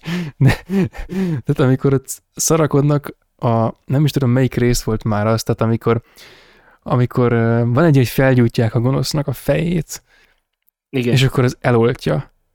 És ők ezen így hallatlanul meglepődnek, hogy úristen, ez hogy történhetett, és rájuk támad megint. Na ez, ez volt az, amikor ez nem feltétlen akart humor lenni, de biztos benne volt, viszont ugyanarra a szintre kerül hirtelen, mint amikor a film humoros akart lenni, és a kettő között semmi különbség nem volt. Tehát ugyanazon a szinten volt, amikor balfasz volt, és amikor vicces volt szerencsétlen film. Na igen. Ja, az viszont nagyon jó volt, hogy, hogy a faszfejeket kinyírták. Tehát, hogy az ritkán esik ennyire jól, amikor, amikor felépítenek néhány ilyen annyira ellenszenves ripacs pöcsfejet, hogy már, már kedvem lenne fűrészcsapdát szerkeszteni, és akkor akkor kinyírják őket. De nem elég keményen különben, szerintem és puhány ez volt, volt ez ilyen érdekes kicsit. Pontja a filmnek, hogy, tehát, hogy maga a gyilkosnak is, hogy, tehát, hogy felhoznak egy rakás faszfejet, vagy aki nem is faszfej, de ő is azért legalább antipatikus, Igen. és hogy itt a gyilkos, akinek meg olyan van egy személyes motivációja, ami így tehát így igazából, most nem azt mondom, tehát nyilván nem arról van, hogy az igazoga van, amit megtesz velük, de hogy mondjuk nem éreztem azt, hogy mint mondjuk a, mi volt a, a Sötét Ablak, vagy Dark Windows-t, amit néztünk, ugye, hogy ott is az van, hogy egy három tini, és akkor jön egy gyilkos, aki igazából a saját rendszerében igazolja azt, amit ott tesz velük, de hogy ott mégis itt ilyen megtört gyerekekről van szó, de itt, itt igazából csak tényleg életunt és szerencsétlen és idegesítő felnőttekről van szó, akiket egy megtört ember megöl. És így, És így ennyi. benne volt. Kurva Igen, banális. és ennyi. Úristen, de banális. És egyébként ez tök érdekes, mert most nemrég, amikor beszélgettünk ugye a fűrész tízről, akkor, akkor beszélgettünk arról, azt én hoztam fel, hogy, hogy a slasher az annyira, annyira amerikai. És Jani mondta, hogy itt a skandináv területeken azért még létezik a slasher, és hogy na akkor erre nem tértem ki bővebben, de ez teljesen jogos, és hogy mennyi, mennyire érdekes különben, hogy ugye itt ennek egy komplett és fontos oka van, hogy aki őket megöli, az végül is bosszút áll rajtuk. És hogy például, mint a Texasiban, meg a halálos kitérő, és a halálos kitérő típusú filmekben, ezekben az ok, az annyira nevetséges, hogy szinte már nem is kell. Tehát, hogy ez, a, ez az ezen Toby Hooper féle mondás, hogy eh, hát a földgolyónak volt egy rossz napja, meg hogy elágazás, balra mentél? Hát megbaszhatod. Tehát ez, ez a fajta. És hogy persze, akik meghalnak, azok, azok idióták, és hülyék, és idegesítőek, és mindenféle baj van velük, amit, amit nem szeretünk látni az életben. És akkor úgy igazából a, a, az Amchi Slasher az nagy részt azzal foglalkozik, hogy, hogy ezeket a karaktertípusokat valahogyan ütközteti, jellemzően újra meg újra ugyanazt csinálja, és nagyon lassan fejlődik szerencsétlen slasher, de ha fejlődik és az ember elemzi, akkor aztán termékeny képet kap arról, éppen miért tekli ezt a műfajt. Viszont ezeken a területeken, ugye a skandináv területeken, ahol nagyon dívik a krimi, ezeket a slasher öm, sztorikat nagyon jellemzően egy nagyon komplex krimiből növesztik ki. És kicsit úgy érzem, hogy ebben a filmben ér össze valahol a kettő, ahol a krimi már odáig halványodik, hogy van valami oka, hogy itt vannak ezek a korporát emberek, akik ilyen, ilyen örök gyermekek, ilyen, ilyen, ilyen, ilyen fura pénzemberek, ezek az ilyen teljesen infantilis, elbaszott, idegesítő csókák, meg mit tudom én, nők, bár jellemzően a két, a két ö, csáva volt nagyon idegesítő, az egyik a másik miatt volt idegesítő, de most ez szinte mindegy. Tehát az ok, az lehetett volna sok, de végül aztán kevés lett, mert, mert nem tudom, redukálták, hogy, hogy ó, ne legyen krimi, nem akarunk okosak lenni, mint hogyha, egy, mint hogyha egy olyan filmet akartak volna csinálni, hogy hát volt egy rossz napja a földgolyónak.